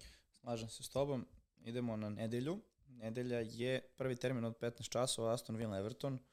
Uh, Aston Villa pa možda najviše nije imala sreću što mora da startuje protiv takve jeste, ekipe jeste, mislim, kao što je Newcastle. I ona povreda Minksa mi delo da ih isto onako totalno izbacili s koloseka. Jeste. Mislim, to će sad vjerojatno da ubrza proces Paulo Torresa u start 11. Uh, bez obzira što su doživjeli brodolom, zasluženo, Videli smo neke pozitivne stvari, pre svega Musa ja, Diaby. Diaby jako, jako, jako inteligentan igrač, zna šta radi. Meni njegovo pozicioniranje delovalo kao da ne igra krilo, kao da neki sekundarni napadač u paru sa Watkinsom, između ostalog na kraju mu je Watkins asistirao. Uh, on i Watkins trenutno mi deluju kao najrealnije akvizicije Diaby, mislim da je 6,5 miliona. Dakle, Jeste, pričamo, njega smo, njega smo da, zaboravili. Ali do, sad smo došli do njega. Ja sad verujem da ako on ostane zdravi, ako Watkins e, bude pružao partije kako je pružao, kako je došao Emery, možemo pričamo o nekom dobrom partnerstvu. Mislim, tu je bio i Bailey koji igrao sa Diabijem u Leverkusenu, ali očigledno da će to da se svodi na njih dvojicu. Ono što su njih dvojica pružili prvih pola sata dok se nije raspao, mm. raspala Aston Villa, zaista daje za pravo nekome da može već sad dovede Diabije ili neki brzi wild card, drugo, treće kolo, da se fokusira na Watkins ili Diabije. Watkins isto bio u tu razmatranje kao drugi napadač uz Haalanda. Tako je, da. Pa, mislim, znaš kako Aston Villa, da, ostalo je to, najavili smo, dakle, uz, uz Brighton ove sezone, definitivno da Aston Villa očekujemo dosta, pod broj 1. Uh, pod broj 2 delo je da nisu stali sa transferima, evo ako... Za Nijolo stiže. Za Nijolo stiže, automatski kao zamena, uh, treba bi da stigne Akunja, upravo iz Sevilje, koji je odličan levi bek. On je toliko ofanzivan levi bek, a doći će zapravo kao zamena za uh, Lukaša Dinja, ako se ne varam. Dakle, nestaju, ozbiljna, ozbiljna pojačanja imaju. Biće interesantno isprediti dve lepe utakmice Everton i Barnley. Tu može biti dosta golova. Slažem se s tobom da je Diaby definitivno neko... Znaš šta trebalo da uradimo? Aston da napravimo ekipu. Koji Barnley? E, da, ali posle toga. A, posle, da. Da, da, pa kažem, dve, da. dve dobre utakmice imaju za redom. Uh, trebamo da napravimo ekipu u veznom redu Eze, Mbeumo, Uh, Pet puta šest i po. Uh, da, uh, Mitoma i, i, i, i Diaby. I Barnes. Dakle, to pet komada, je li tako? Da. da. Ih postrojimo ovako na sredini, stavimo Haalanda lepo u špica. Staviš još nekog Watkinsa od osam. Pa evo, ako... Nemaš skupe napadače, Kane je otišao. Taman je mogo Kane da bude drugi napadač, ali... Pa dobro, da, ali možemo, možemo da stavimo, jer smo pokrili sve te ekipe, Da. da. samo Solanke, eto, da. I onda sve premiume Pa pozadnje. stavili smo i ono, pa boga mi premium, evo da si da je neko išao logikom, ajde da uzem Trippier, da uzem Aleksandra Arnolda, nekog iz Arsenala, vidi Gabriel ima visoko vlasništvo, Tri završio bi, da. završio bi na tri poena. Pa da. Tako da, premium i pozadi za sad nisu opravdali uh, neku svoju ulogu niti cenu, ali Dobro, Everton. ja ćemo reći za ovu utakmicu da je manje više neka, ajde da kažemo, Očekujem pobedu Aston Ville, mada Everton jeste izgubio od Fulama kod kuće na svom terenu. Apostrofirali smo Lena kao nekoga koji je bio ključna figura u Fulamu. Everton nije bio loš, mislim, daleko toga, to neke, kažemo, savršene partije, ali su, sad gledam, imali ogroman XG koji su stvorili, uh, to jest nije ogroman, 1.54, dakle, očekivalo se postinu gol, od, tog, od tih 1.54 Mope imao 1.35. Dakle, Ništa, mislim, opet, opet priča o Calvert Luinu nedovoljno fizički spreman. Prosto Tako ne može više da me ubedi ni on, niti bilo ko da on može da se fizički dovede u red, da bude konstantna opcija.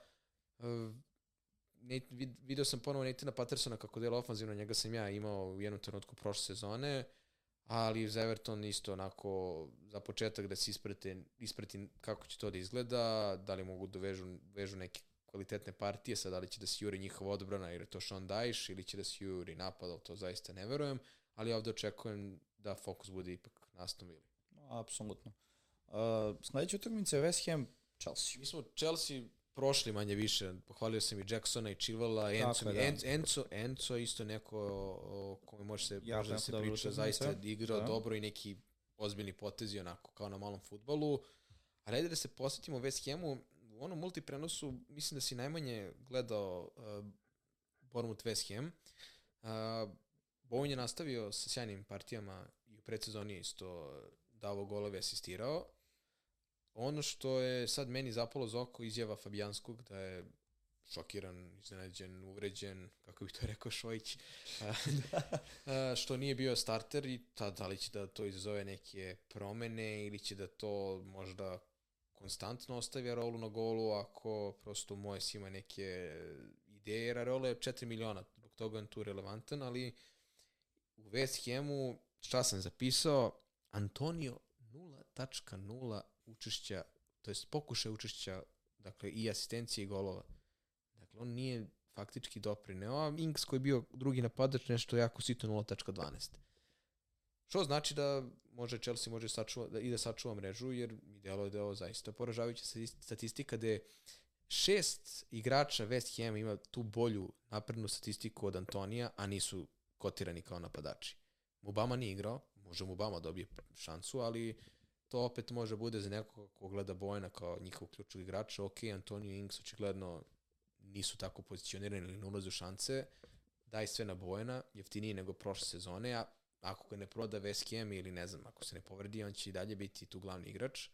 Jedina, jedina po mom mišljenju, opcija vredna trenutno nekog razmatranja ili razgovora, ali opet sa stavom da se sačeka da vidimo da li će West Ham da pruža dobre partije konstantno. Ja, mada ja ovde očekujem, ako Chelsea pruži jednu partiju kao protiv Liverpoola, u nekim trenucima da mogu da ih pobede. Mislim, kao neko ko ima i Chilwell i Jacksona, volao bih da Jackson da gol. Apsolutno, pritom za West Ham, evo sad ne znamo da li će paketa ostati u ekipi ili ne.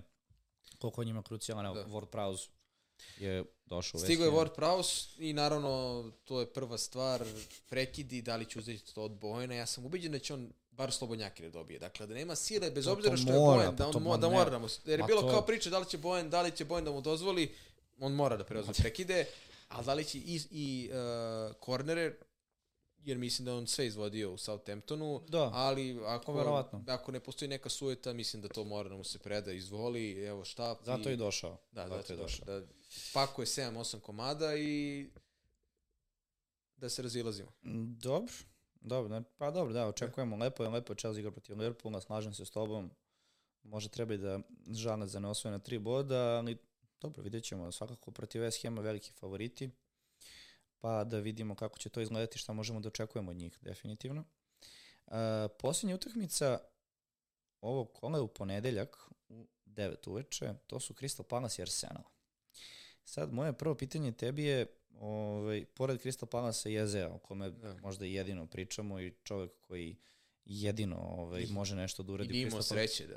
Šta? I nije imao, baš nije imao sreće da ne uradi ništa protiv Sheffielda. Baš nije imao Da. sreće, da. Imamo tu Arsenal gde, eto, videli smo da Gabriel, koga smo svi ovaj, ubacivali na kraju, odnosno pokušali smo da ga ovaj, stavimo od početka, to je bilo ono, neće igrati, Da. ovo je Stones tu, nije tu, Gabriel izbacuje Gabriel, igra Saliba, Timber se sad povredio. Ono što sam ja primetio za Arsenal, to je da kad je ubacio Tomaša Partija, ovaj, vratio ga u tim i jesi vidio koju je poziciju igrao? Mm, Jesi nisam. vratio pažnju to? Ja, ja sam namjerno upalio ovaj, utakmicu Arsenala, prvo da vidim šta će da Ja se rade. uključio kasnije malo. Pa u toku utakmice to je, znači, ja, ok, Da. kopira dobru formulu, ali to je kao da sam znao da će Arsenal krenuti sa, sa 3-2-4-1. Dakle, to je bilo Sve je toliko... parti igrao na poziciji Stonesa. Znači, party je bio Stones 2.0, samo tako. I onda se jednom trenutku zamenio sa Whiteom. Jel White igrao, da? Sa Whiteom Jeste, je da. igrao, sa Whiteom je ovaj, zamenio tu, tu, tu, tu ovaj poziciju.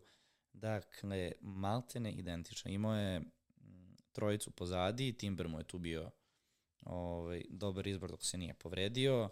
Imao je Rajsa koji je tu imao ulogu Rodrija. Uh, Odegar i Havertz kao dva prednja vezna, Martinelli Saka krila i, i u špicu Nketija.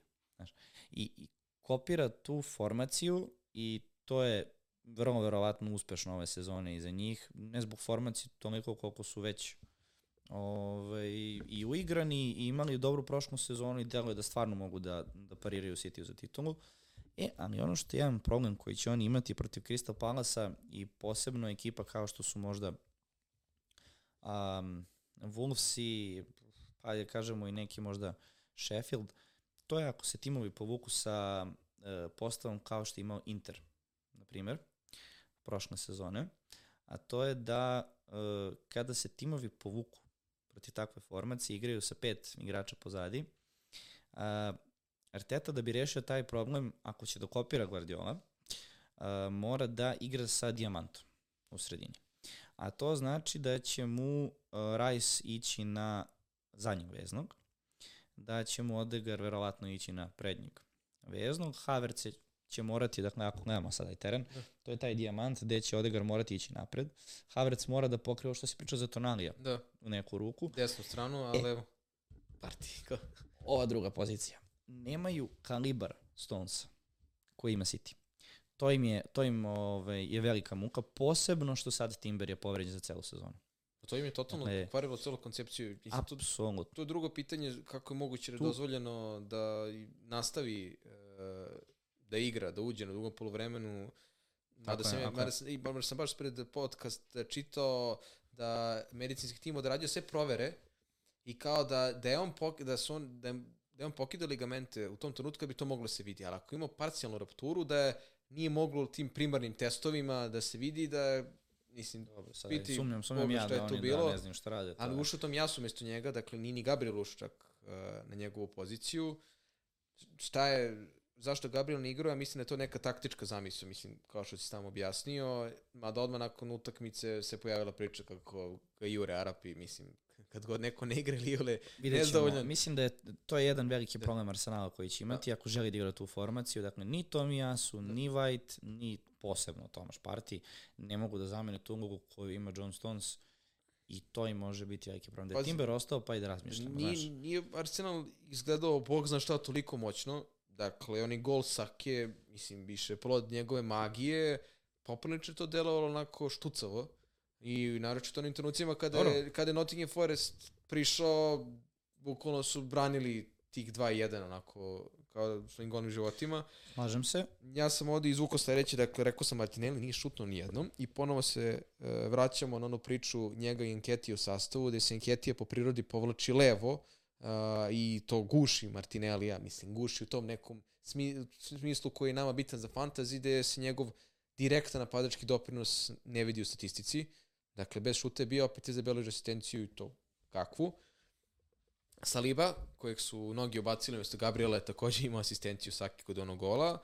Izvukao sam da je, na primjer, Havertz imao veći x od Odegarda.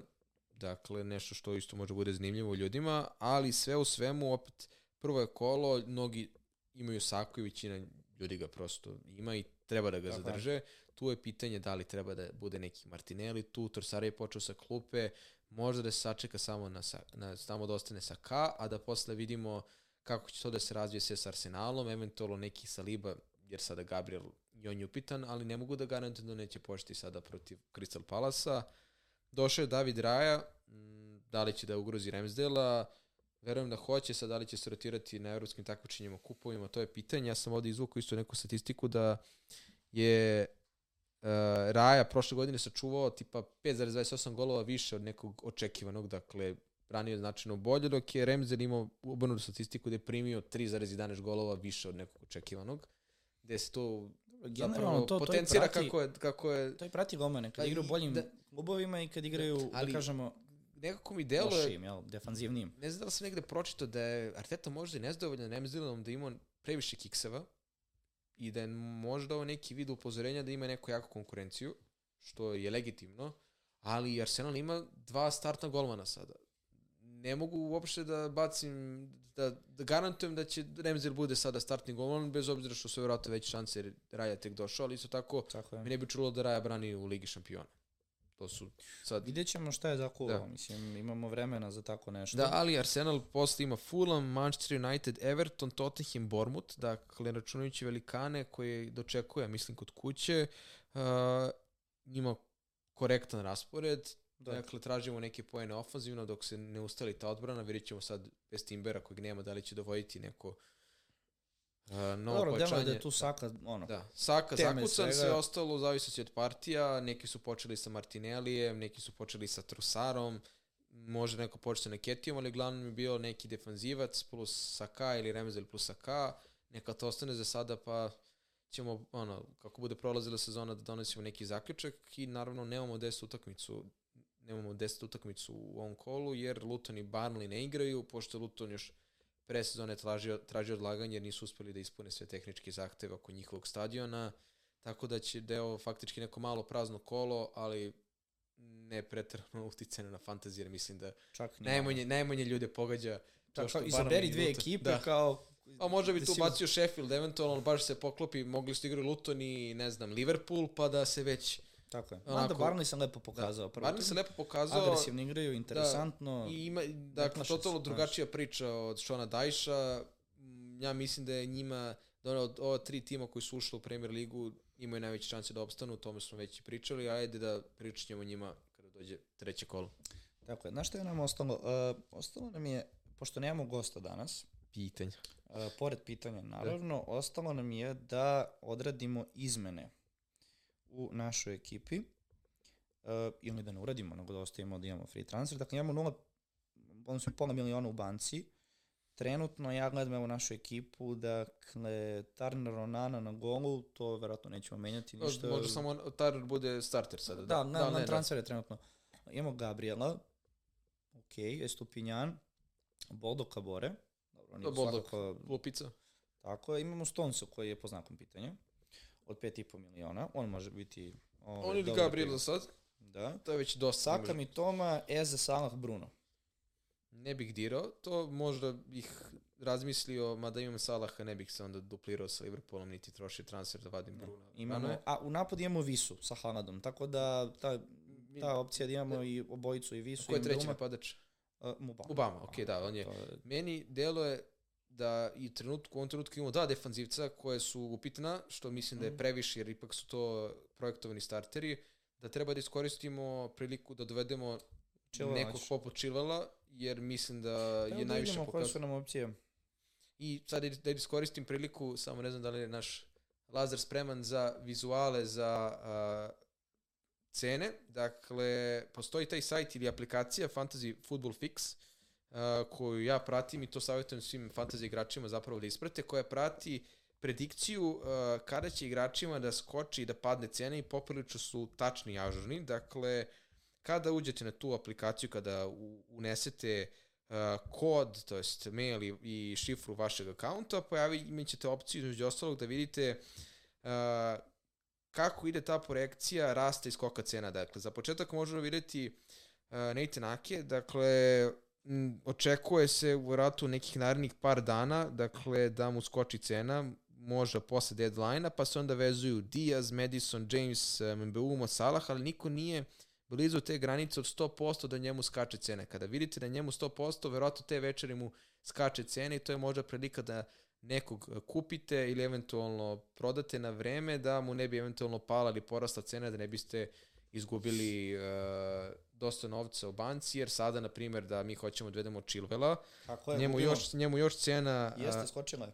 Da, njemu, njemu, 5,6. već, njemu već cena skočila i mi ne možemo da ga dovedemo, ali tako? Možemo. E, imamo 0,5 u banci, na primjer. Zato je dobro imati. To je ono što smo pričali o tih 0,5 u banci. Da neko nema 0,5 u banci, on bi morao da uradi dva transfera, što znači da bi išao već u minus, da bi doveo Chilvela.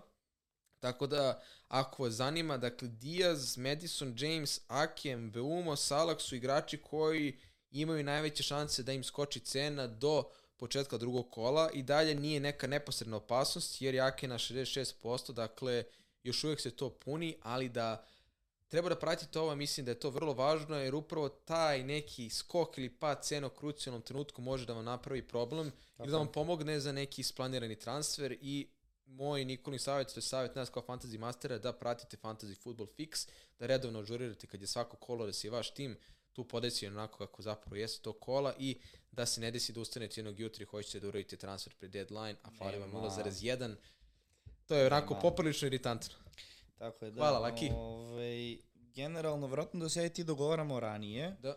Verovatno bi ovaj, ranije zamenili Stonesa za Da. Chilvela, ali s obzirom da je poenta da ovo radimo za vreme snimanja. I da ljudi znaju uvek naš tim. Tako Pazi, je. 80 Uh, poena za prvo kolo. Uh, Da, Mislim, tim. ja sam se iznenadio zapravo kako su mi to brzo sklopili sa, sa, sa Da. Salixom. 10 pojena prvo kolo, stvarno. Tako da ubacit ćemo Chilvela. Sasvim pristojno. Za sada nek bude Chilwell, mislim, za dva dana Da. se povredi. Mislim. Svakako, uh, uvijek ćete imati u vidu naš tim, da duše kačemo ga nakon uh, deadline-a, ali da znate da su verovatno najveće šanse da ubacimo Chilvela u naš tim umesto Stonesa ili Gabriela smo odlučili. Pa možda je bolje Stones. Ajde Stonesa da damo šansu još Gabrielu. Ne, apsolutno, apsolutno. Ovaj, a posebno i raspored koji ide, Da. tako da zašto da ne. mi. Ovaj, Da otvaram pitanja ili si... otvaraj, otvaraj pitanja. Moram da vam priznam nešto, ušao sam pred početak podcasta a, da pogledam pitanja, mislim da smo oborili rekord po broju pitanja. Nažalost, mislim ne možemo da odgovorimo na svih 150, 200 pitanja, ali sam ubeđen da smo indirektno, dok smo razgovarali o utakmicama, bar delimično otklonili sumnju a, nekim igračima i ajde da krenemo. Mm, reakcija na prelazak Račića u Sassuolo. Stvarno, Dobro pitao je čovjek, šta sad? Ne, bude, vidio sam bukvalno pet minuta pred podcast, uh, ako će da ima zagarantovane minute, mislim da italijanska liga ima dosta srpskih igrača i dosta i kvalitetne partije su pružali kako oni koji su otišli. Verujem da to može bude dobar potez za Račića, ali ajde kao da se vežemo za Premier ligu. Koje pojačanje United treba da dovede? Pa došao, mislim da je došao napadač, ali nespreman. O tome Ono što sam rekao u prošlom epizodu, dakle, oni ako dovedu Benjamina Pavara, koji može da igra i štopersku poziciju i desnog beka, fantastičan Mislim potez. kako flertuje sa klubom, ono šalje vatrice, komentare. Fan, to, to bi bio fantastičan transfer. I to je ono što ti rekao, falim taj desni bek, Pavar je jedan od Da. njih, apsolutno, i, i, i to desno krilo ko će igrati, jer Anthony, Sancho, Garnacho, sve je to neki potencijal, ali Sve nema to nedovršeni produkti. Mislim, tako je. A, Da li će Hojland proraditi u ET, Ten Hagovom sistemu? Ajde da on prvo zaigra, pa ćemo da vidimo. Mišljenje u Unitedovom startu, to smo rekli, me zaista bilo ispod nekog očekivanog nivo. Zabrinjavajuće, Zabrinjavajuće, ali, ali da. kao prvo kolo. Šta treba očekivati od Gabriela u ovom kolu? Sad ova povreda Timbera verovatno povećava šanse da on počne da se sistem možda malo redukuje, jer je, Timber bio projektovan za ovo što je Arteta pokušavao. Ja bih čak rekao da je tu sada zb- zbog ove situacije možda Vajtu zagarantovana pozicija. Dobro, Vajt je, ja mislim, bio zagarantovana, bilo mu zagarantovana pozicija i pre ove povrede, ali sada svakako ne mogu da garantujem da će sigurno biti starter, ali ako sad ne bude protiv uh, Crystal Palasa igrao u start 11, tu već treba da se postave neka pitanja i da se razmisli o njemu kao fantasy akviziciji. Uh, uh, uh, uh, da li United igrao tako očajno pobedio tvrde, kako je igrao United tako očajno pa pobedio tvrde Wolvese, pa je prosto tu se pojavi Champions League varan, kako kažu, i reši Dobro, utakmicu. kombinacija, pa dobro, nije United bio bezopasan Da. pre svega, ali da, pravo je pitanje kako nisu primili. Sve Haaland ili Salah za kapitena, ajde ti prvi. E, pa vidi ovako, s obzirom da u našoj ekipi imamo obojicu, pravo da ti kažem, jako redko to radim, ali možda Salah. Mislim, stvarno ne, ne vidim logiku, ali onda će on do, do, doći Norvežani i dati tri komada, mislim, razumiješ? Mislim, Ja sam uvek bio pr- pragmatičar i ako imaš Salaha za kapitena i ako donese poene, mnogo ćeš napredovati i to je super stvar. A ja ide početak i sezone, pa to i nije toliko strašno im pogrešiti u nekom kolu i ako je neki trenutak da se proba Mislim, Tako ovo zvuči jako glupo da se rizikuje sa Salahom kao kapitenom Kapitenom. Bormuta. Pro, do pre godinu dana da je neko to rekao, potpisao bi Salah odmah. Ali prisustvo Haalanda u većini timova, velikoj većini 90%, gde će opet da ima bar 170-140 effective ownership, ne di bože da Salah nešto zabrlja, Haaland da dva gola Newcastle, to mnogo više boli nego što može da obraduje Salahova dobra partija, ali početak sezone ajde idemo sa Salahom. da, nek proba, nek bude Salah, ali Idemo, ne, idemo. nemoj da mi budemo krivi ako... ovaj, Ne, evo, naša Da. ekipa, evo, znači, naša, ako naša ostane, ekipa Salah kapiten, eto. Ako ostane sve ovako, ne dođe do nekih povreda i naša nešto, ekipa, Salah ali je na ovo, ovo, ovo je naša javna ekipa, Nikola imamo naše lične ekipe da se neko ne zbuni, da ako tu budemo imali neke drugačije neka drugačije rešenja. Da li je glupost raditi wild card već za drugo kolo? Promenio bi sigurno sada četiri igrača. Biće tu sigurno dosta igrača koji urade wild card, jer znam par njih onako privatno koji su nezadovoljni svojim timom. Neko možda imao De Bruyne, a neko imao Mitrovića, mislim neko je e, prosto napravio takve timove. Promenio bi sa, već sada četiri igrača, ako već radi wild card, bolje promeni što više, mislim, igrača. Ne, nema pojenta se pravi wild card da bi se Ne, promenila mislim dva, da, tri da igrača. hoće da kaže da... Aha, misliš da bi osta, sve ostalo ostavio u Da. ekipi, jel?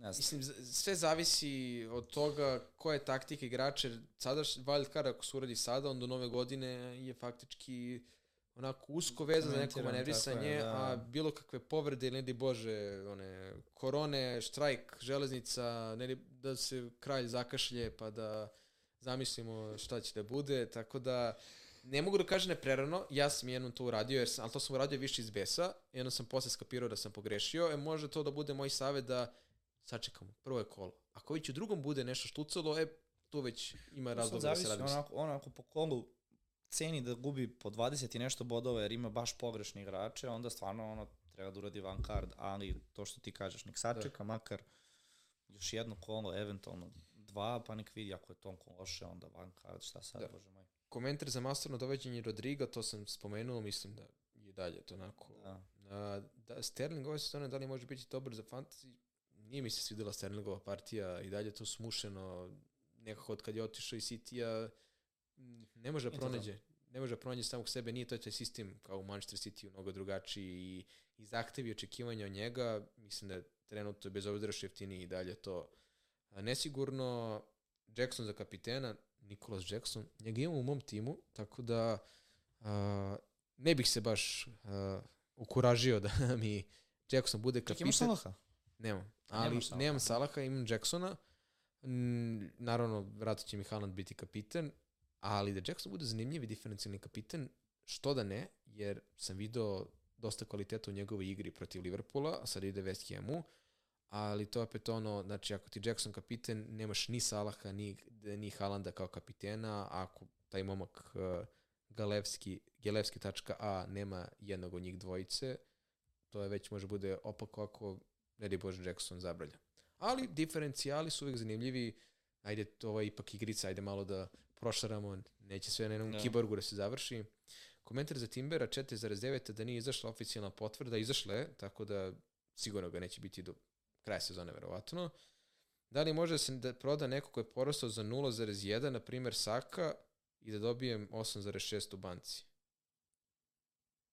Aha, hoće da kaže ako si a, ako ti igrač, ako igra tvom igraču porasla, porasla cena, da li ga prodaješ sada po da li ćeš toliko para imati u banci? Pa, prvo, kada prodaješ igrač, njemu mora da poraste za 0,2 da bi ti mogao da ga prodaš za 8,6. Dakle, ako igrač 8,5 miliona, njemu mora da skoči cena na 8,7 da bi ti mogao da ga prodaš za 8,6. Tako se brane kupovne i prodajne cene. ali dalje ne razumem, dakle, on ako hoće da ga proda, a, na primjer, Saka vredi 8,7 miliona a, za kupovinu, ti ga prodaješ po ceni zarez 8,6 i toliko imaš faktički u banci sa njim kada ga prodaješ. U suštini njegov, njegov odgovor sada, ako ga prodaje, cena će mu biti 8,5. Pošto je skočila na, jel tako? Koliko je Saki sad? Saki sad, ako je skor, mislim, Saki je sada cena 8,5.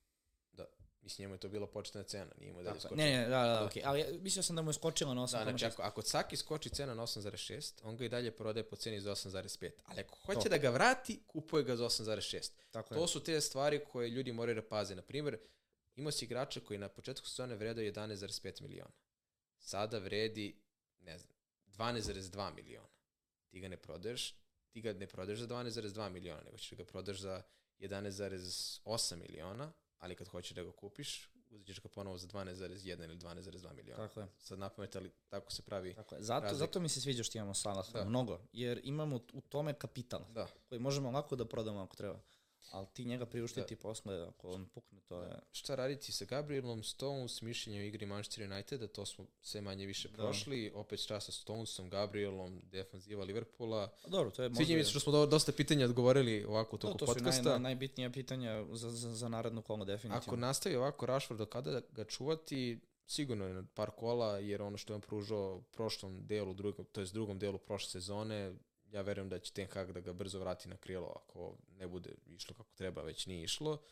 Sandro Tonali blizu gola, pet i po, da li može da bude potencijalni target, nekad verovatno da bude neko ko je dobar za fantasy. Aha. Ako ovako nastavi za 5,5 miliona, treba razmisliti i o Sandro Tonaliju, ali i dalje je još onako preuranjeno. Jesi teo nešto da dodaš? Pa ništa, još je, još je rano za, mislim... Šta očekujete od Chelsea ove sezone? E, vidim svetlo na kraju tunela.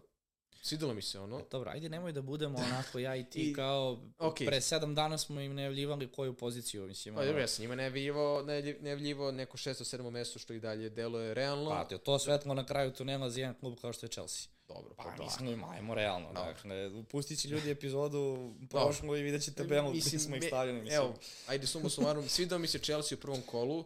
A, Apsolutno. mnogo je bolje izgledalo nego bilo šta a, u drugom delu prošle sezone, naročito za vreme Franka Lamparda, ali opet prvo je kolo, ako ovako nastave, možda i mogu da se uključu neku borbu za Evropu, za Ligu šampiona, moraju baš da onako pobede dosta većih utakmica, ali evo Liverpool je izvukao na kraju, mislim izvukao bod, na kraju je bilo nerešeno sa Liverpoolom kao sa nekim kandidatom koji je tu legitiman za top 4. Vidjet ćemo, to su sve, znači jedna utakmica nit može da ti predvidi ne neku, da kažemo, formu do kraja sezone, ok, možeš da vidiš neki napredak, trud, ali ništa više od toga. Ajde da pričamo da. o tome za nekih 5-6 kola, pa ćemo tamo... Da, ima smisla da se Tek ipak negde oko 15. ti imaš pravu Da. sliku sezone, Da. koje... I bukvalno možemo u drugom kolu da dobijemo svakog tima drugačiju sliku odnosno na prvo kolo. Tako je, I onda sve opada u vodu. Mislim, tako je. Pa šta evo, sad City dobio Newcastle 4-0. da. I ti I imaš... kao, ti prodaješ Isaka Pa, kako se doveo. to- to to United kažem, dobije je. Tottenham 2-0 i odjednom ajmo svi nazad Bruna, To Rashforda. to ti kažeš. Da. Uh, Tarner, Tarner ili Onana, po mogućstvu obojicu timu, pa Tarner na gol sad, jer eto, ima tim koji Da. nekako deluje najslabije. Istak Watkins Jackson, koga biste stavili ono kao prvo, drugo, treće mesto, to jest koga bi ti Nije primjerno. cena malo, pa tu sad malo menja. Ali... Uh, Možda Watkins zbog rasporeda, a Jackson, ne, Jackson zbog rasporeda uz Watkinsa da, sa tim što, bi je ja- Watkins provereni trenutno jer igram. Znam, ali vrlo, vrlo lako bi ja tu promenio na, na, na, na Isaka, da, čim, u petom čim kolu. to... Da. u petom kolu ili ako da, ako da gol City-u, to će već u treće kola da bude Da, ozbiljan da, da, da. hype. Uh, evo, isto pitanje da li Isak može donosi pojene ako ima težak raspored, on može bude taj tip igrača. Hoće li Guardiola igrati prvu postavu protiv Newcastle? On je bio starter sada. On je bio sad starter, da, ali mislim da je još rano za njega. Dobro. Ima kvaliteta, ima potencijala, ali mislim da je Newcastle i dalje onako ozbiljna ekipa da bi on pustio Guardiola Da. na, na, na tog levog stopera. Sanchez umesto uh, Pickforda zbog dobrog rasporeda Chelsea na golu. Pa mislim, ajde da vidimo mi, jel neko dolazi kao zamena Ja sam video da je plan da bude neko kao zamena, sad da će biti kao drugi ili kao prvi, drugi prvi. je- Ja, mi smo pričali sa Aleksom da je meni čudno što imaš dva startna golmana u Chelsea, pa je Courtois pokidao ligamente i Kepa otišao ekspresno u Real. Ajde da vidimo, on, to, on može biti jako dobra Da. opcija ako se Chelsea ispostavi da, je- da igra mnogo Da. bolje nego što smo mislili. Koju poziciju predviđamo Tottenhamu i ko će biti ključni igrač? Mislim da je još rano za neko predviđenje pozicija, ali opet ta ne, to nešto oko vrha. O, po ovome što smo videli, dan poznaje, Madison to je je Madison. preuzeo apsolutno, glavnu da. ulogu, osim ako Son ne reši da ponovo igra kako zna i ume. Evo ponovo pitanje za Rashforda, da li da se menja. Koja je bolja opcija na golu ponovo Onana ili Turner za drugo, Turner za drugo kolo? Dilema Madison ili Richar, Richarlison? Mm, Trenutno mislim da je Madison, ako gledamo ono što smo videli u prvom kolu. Nunez za kapitena u kolu broj 2 Bormut kući. Darwin Nunez. Neće startovati. da, mislim. da. o, mislim, jedino ako sad ima samo Nuneza iz Liverpoola, pa kao... Znaš ide kako, tome tu je najgora stvar da ga stavi za kapitena i da uđe u neko 70, min- 70 Tako je. minuta i ne uradi ništa, a da mu Vajs bude neko drugi. Bolje da ne bude Nunez kapitan, jer zaista očigledno Mm. da nešto tu nije I zagarantovano. da startuje opet... da. Prvi na, li- prvi, prvi na listi da ga zameni onda Žota ili neko će dati dva gola sad protiv Bormuta samo. Ko za kapitena, bit će najave, naravno, ali tu se svodi sad na oko dva imena, naravno, Haaland kao neko ko je tu postao prosto neprelazna, nezaobilazna opcija i Salah ili neko iz Liverpoola, ali ima tu uvek nekih finih diferencijala. Stones i Gabriel, eto, to smo baš o njima sada pričali, opet Onana ili Turner, mišljenje o Diabiju, kako bi se mogao snaći u narednom periodu, da li je dobar pik. Spominjali Pričali smo, da. nek se onako isprate partije, ako nastavi ovo da pruža, što da ne, 6,5 miliona, lako može da se to posle zameni. Ponovo Stones i Gabriel, Gabriel i Stones. Mišljenje o Sonu, je procenat vlasništva, toliko i procenat i pitanja Da, to za njih. da. mišljenje o Sonu, zaista razočaravajući početak, uh, opet prvo je kolo, ja očekujem neku reakciju, ali ako se po jutru ponovo dan poznaje, ovo nije dobro. Mislim, ali ajde da sačekamo, dolazi United. Ajmo još jedno pitanje, opa, ajmo još jedno pitanje da... Možete li nekim narodnim jezikom objasniti pojam XG-a? E, to sam teo da objasnim. Za kraj imam mnogo pitanja, poslije da vidim da li imaš neko bitno. Dakle, XG filozof je ta neka statistika koju ste posljednjih par godina, Narodnim jezikom. naravno, Znači, lepo ti je rekao. Dakle, XG je statistika koja se posljednjih par godina koristi u najelitnijem, najelitnijim rangovima futbala. Najprostije rečeno, expected goals na engleskom ili ti broj očekivanih golova. Dakle, to je ta neka statistika koja izvodi procent šanse da neki futbaler postigne gol ili asistira ako je XA a, u odnosu na njegovu poziciju prilikom šutiranja upućenog udarca na gol, udaljenost od gola, broj igrača koji su oko njega, njegovu poziciju tela, noge, dakle tu se brojni statistički parametri analiziraju i kada negde vidite da nek, prilikom nekog udarca XG je bio 0,2, to znači da su da je postojalo 20% šanci da neki igrač da gol. Evo da dam neki direktan primer. Bukayo Saka je sad postigao prelep gol protiv Nottingham Foresta, XG mu je bio 0,03. Dakle, 3% šansi imaju futbaleri da postignu gol iz takve pozicije, A dao je, da. a dao je gol. Dakle, imat ćemo futbalere gdje će da imaju XG 0,95, to je ako promaši gol sa metra, metra udaljenosti, Pa, pa, penal, penal je 0,73, jer je proračunato da golman može da pokrije uh, 27% prostora, koliko sam ja razumio, to je da 0,70% 3 da šanse ima napadač, to jest izvođač penala da a, gol i svaki put kad neko šutira, promašio ili ga dao, on će sebi na statistiku da ubaci 0.73 sa penali. Tako je Žao Pedro imao jedan, preko jedan expected goals na utakmici jer je izveo penal, isto kao i, i još onu šansu. ono, još onu šansu koja je bila onako poprilično. Zašto je to bitno? Ta statistika može nama da da do znanja da li je neki futbaler, da li je neki tim zapravo igrao zaista dobro i da li je plod tog eh, nekog rezultata dobra igra tima, da li je to možda plod neke sreće i da li su golovi nekog igrača kvalitetne akcije klubova gde se postoje, gde se go, golovi postižu iz, iz izglednih šanci ili to individualno umeće i golovi poput Bukaja Saki ili nešto što se ne postiže baš lako. Dakle, ako vidite da neki igrač ima 30 golova na kraju sezone, a ima 0,19 ukupni XG, znači da on ozbiljan kvalitet igrača da je postizao golove iz nekih situacija iz kojeg se nije očekivalo. Ako neki igrač imao expected goals na kraju sezone 25, a postigao 17 golova, ili u lošoj formi, ili nije bio dobar u realizaciji. Dakle, to su stvari koje statistički onako kako ljude to davi, može da vam otkrije uh, dosta toga, naročito za fantasy, da znate da li je neki igrač opasan po gol. Zašto je Bereč Jeze, mislim, zašto je Bereč Jeze dalje dobra opcija za fantasy? Zato što uh, on uh, je na utakmici protiv Sheffielda zabeležio preko jedan tačka i nešto expected goal involvement, to jest u, mogući uticaj uh, za nekom golu, sad da li je u pitanju gol ili sama asistencija, što znači da u nekoj naravnoj utakmici vrlo rato da može da postine gol ili asistira. Prosto nije imao sreće ili njegovi saigrači nisu to iskoristili. Dakle, eto, najkraće rečeno ta filozofija, postoji knjiga, postoji brojni statistički parametri, jeste onako surovo kada ja kažem 0,46 je njegov expected goals, ali kada se možda malo bolje udobimo, može dosta toga da nam olakše, da nam prosto da do znanja kako je to izgledalo zapravo na terenu. Ništa, lepo. Ima, ima mnogo pitanja i pa drago nam je da ne, neću. dakle, uglavnom Son, Diaby, Mbeumo, ko ispada, posle ovog prvog kola ne mogu da garantuju ni da Wolves ispadaju.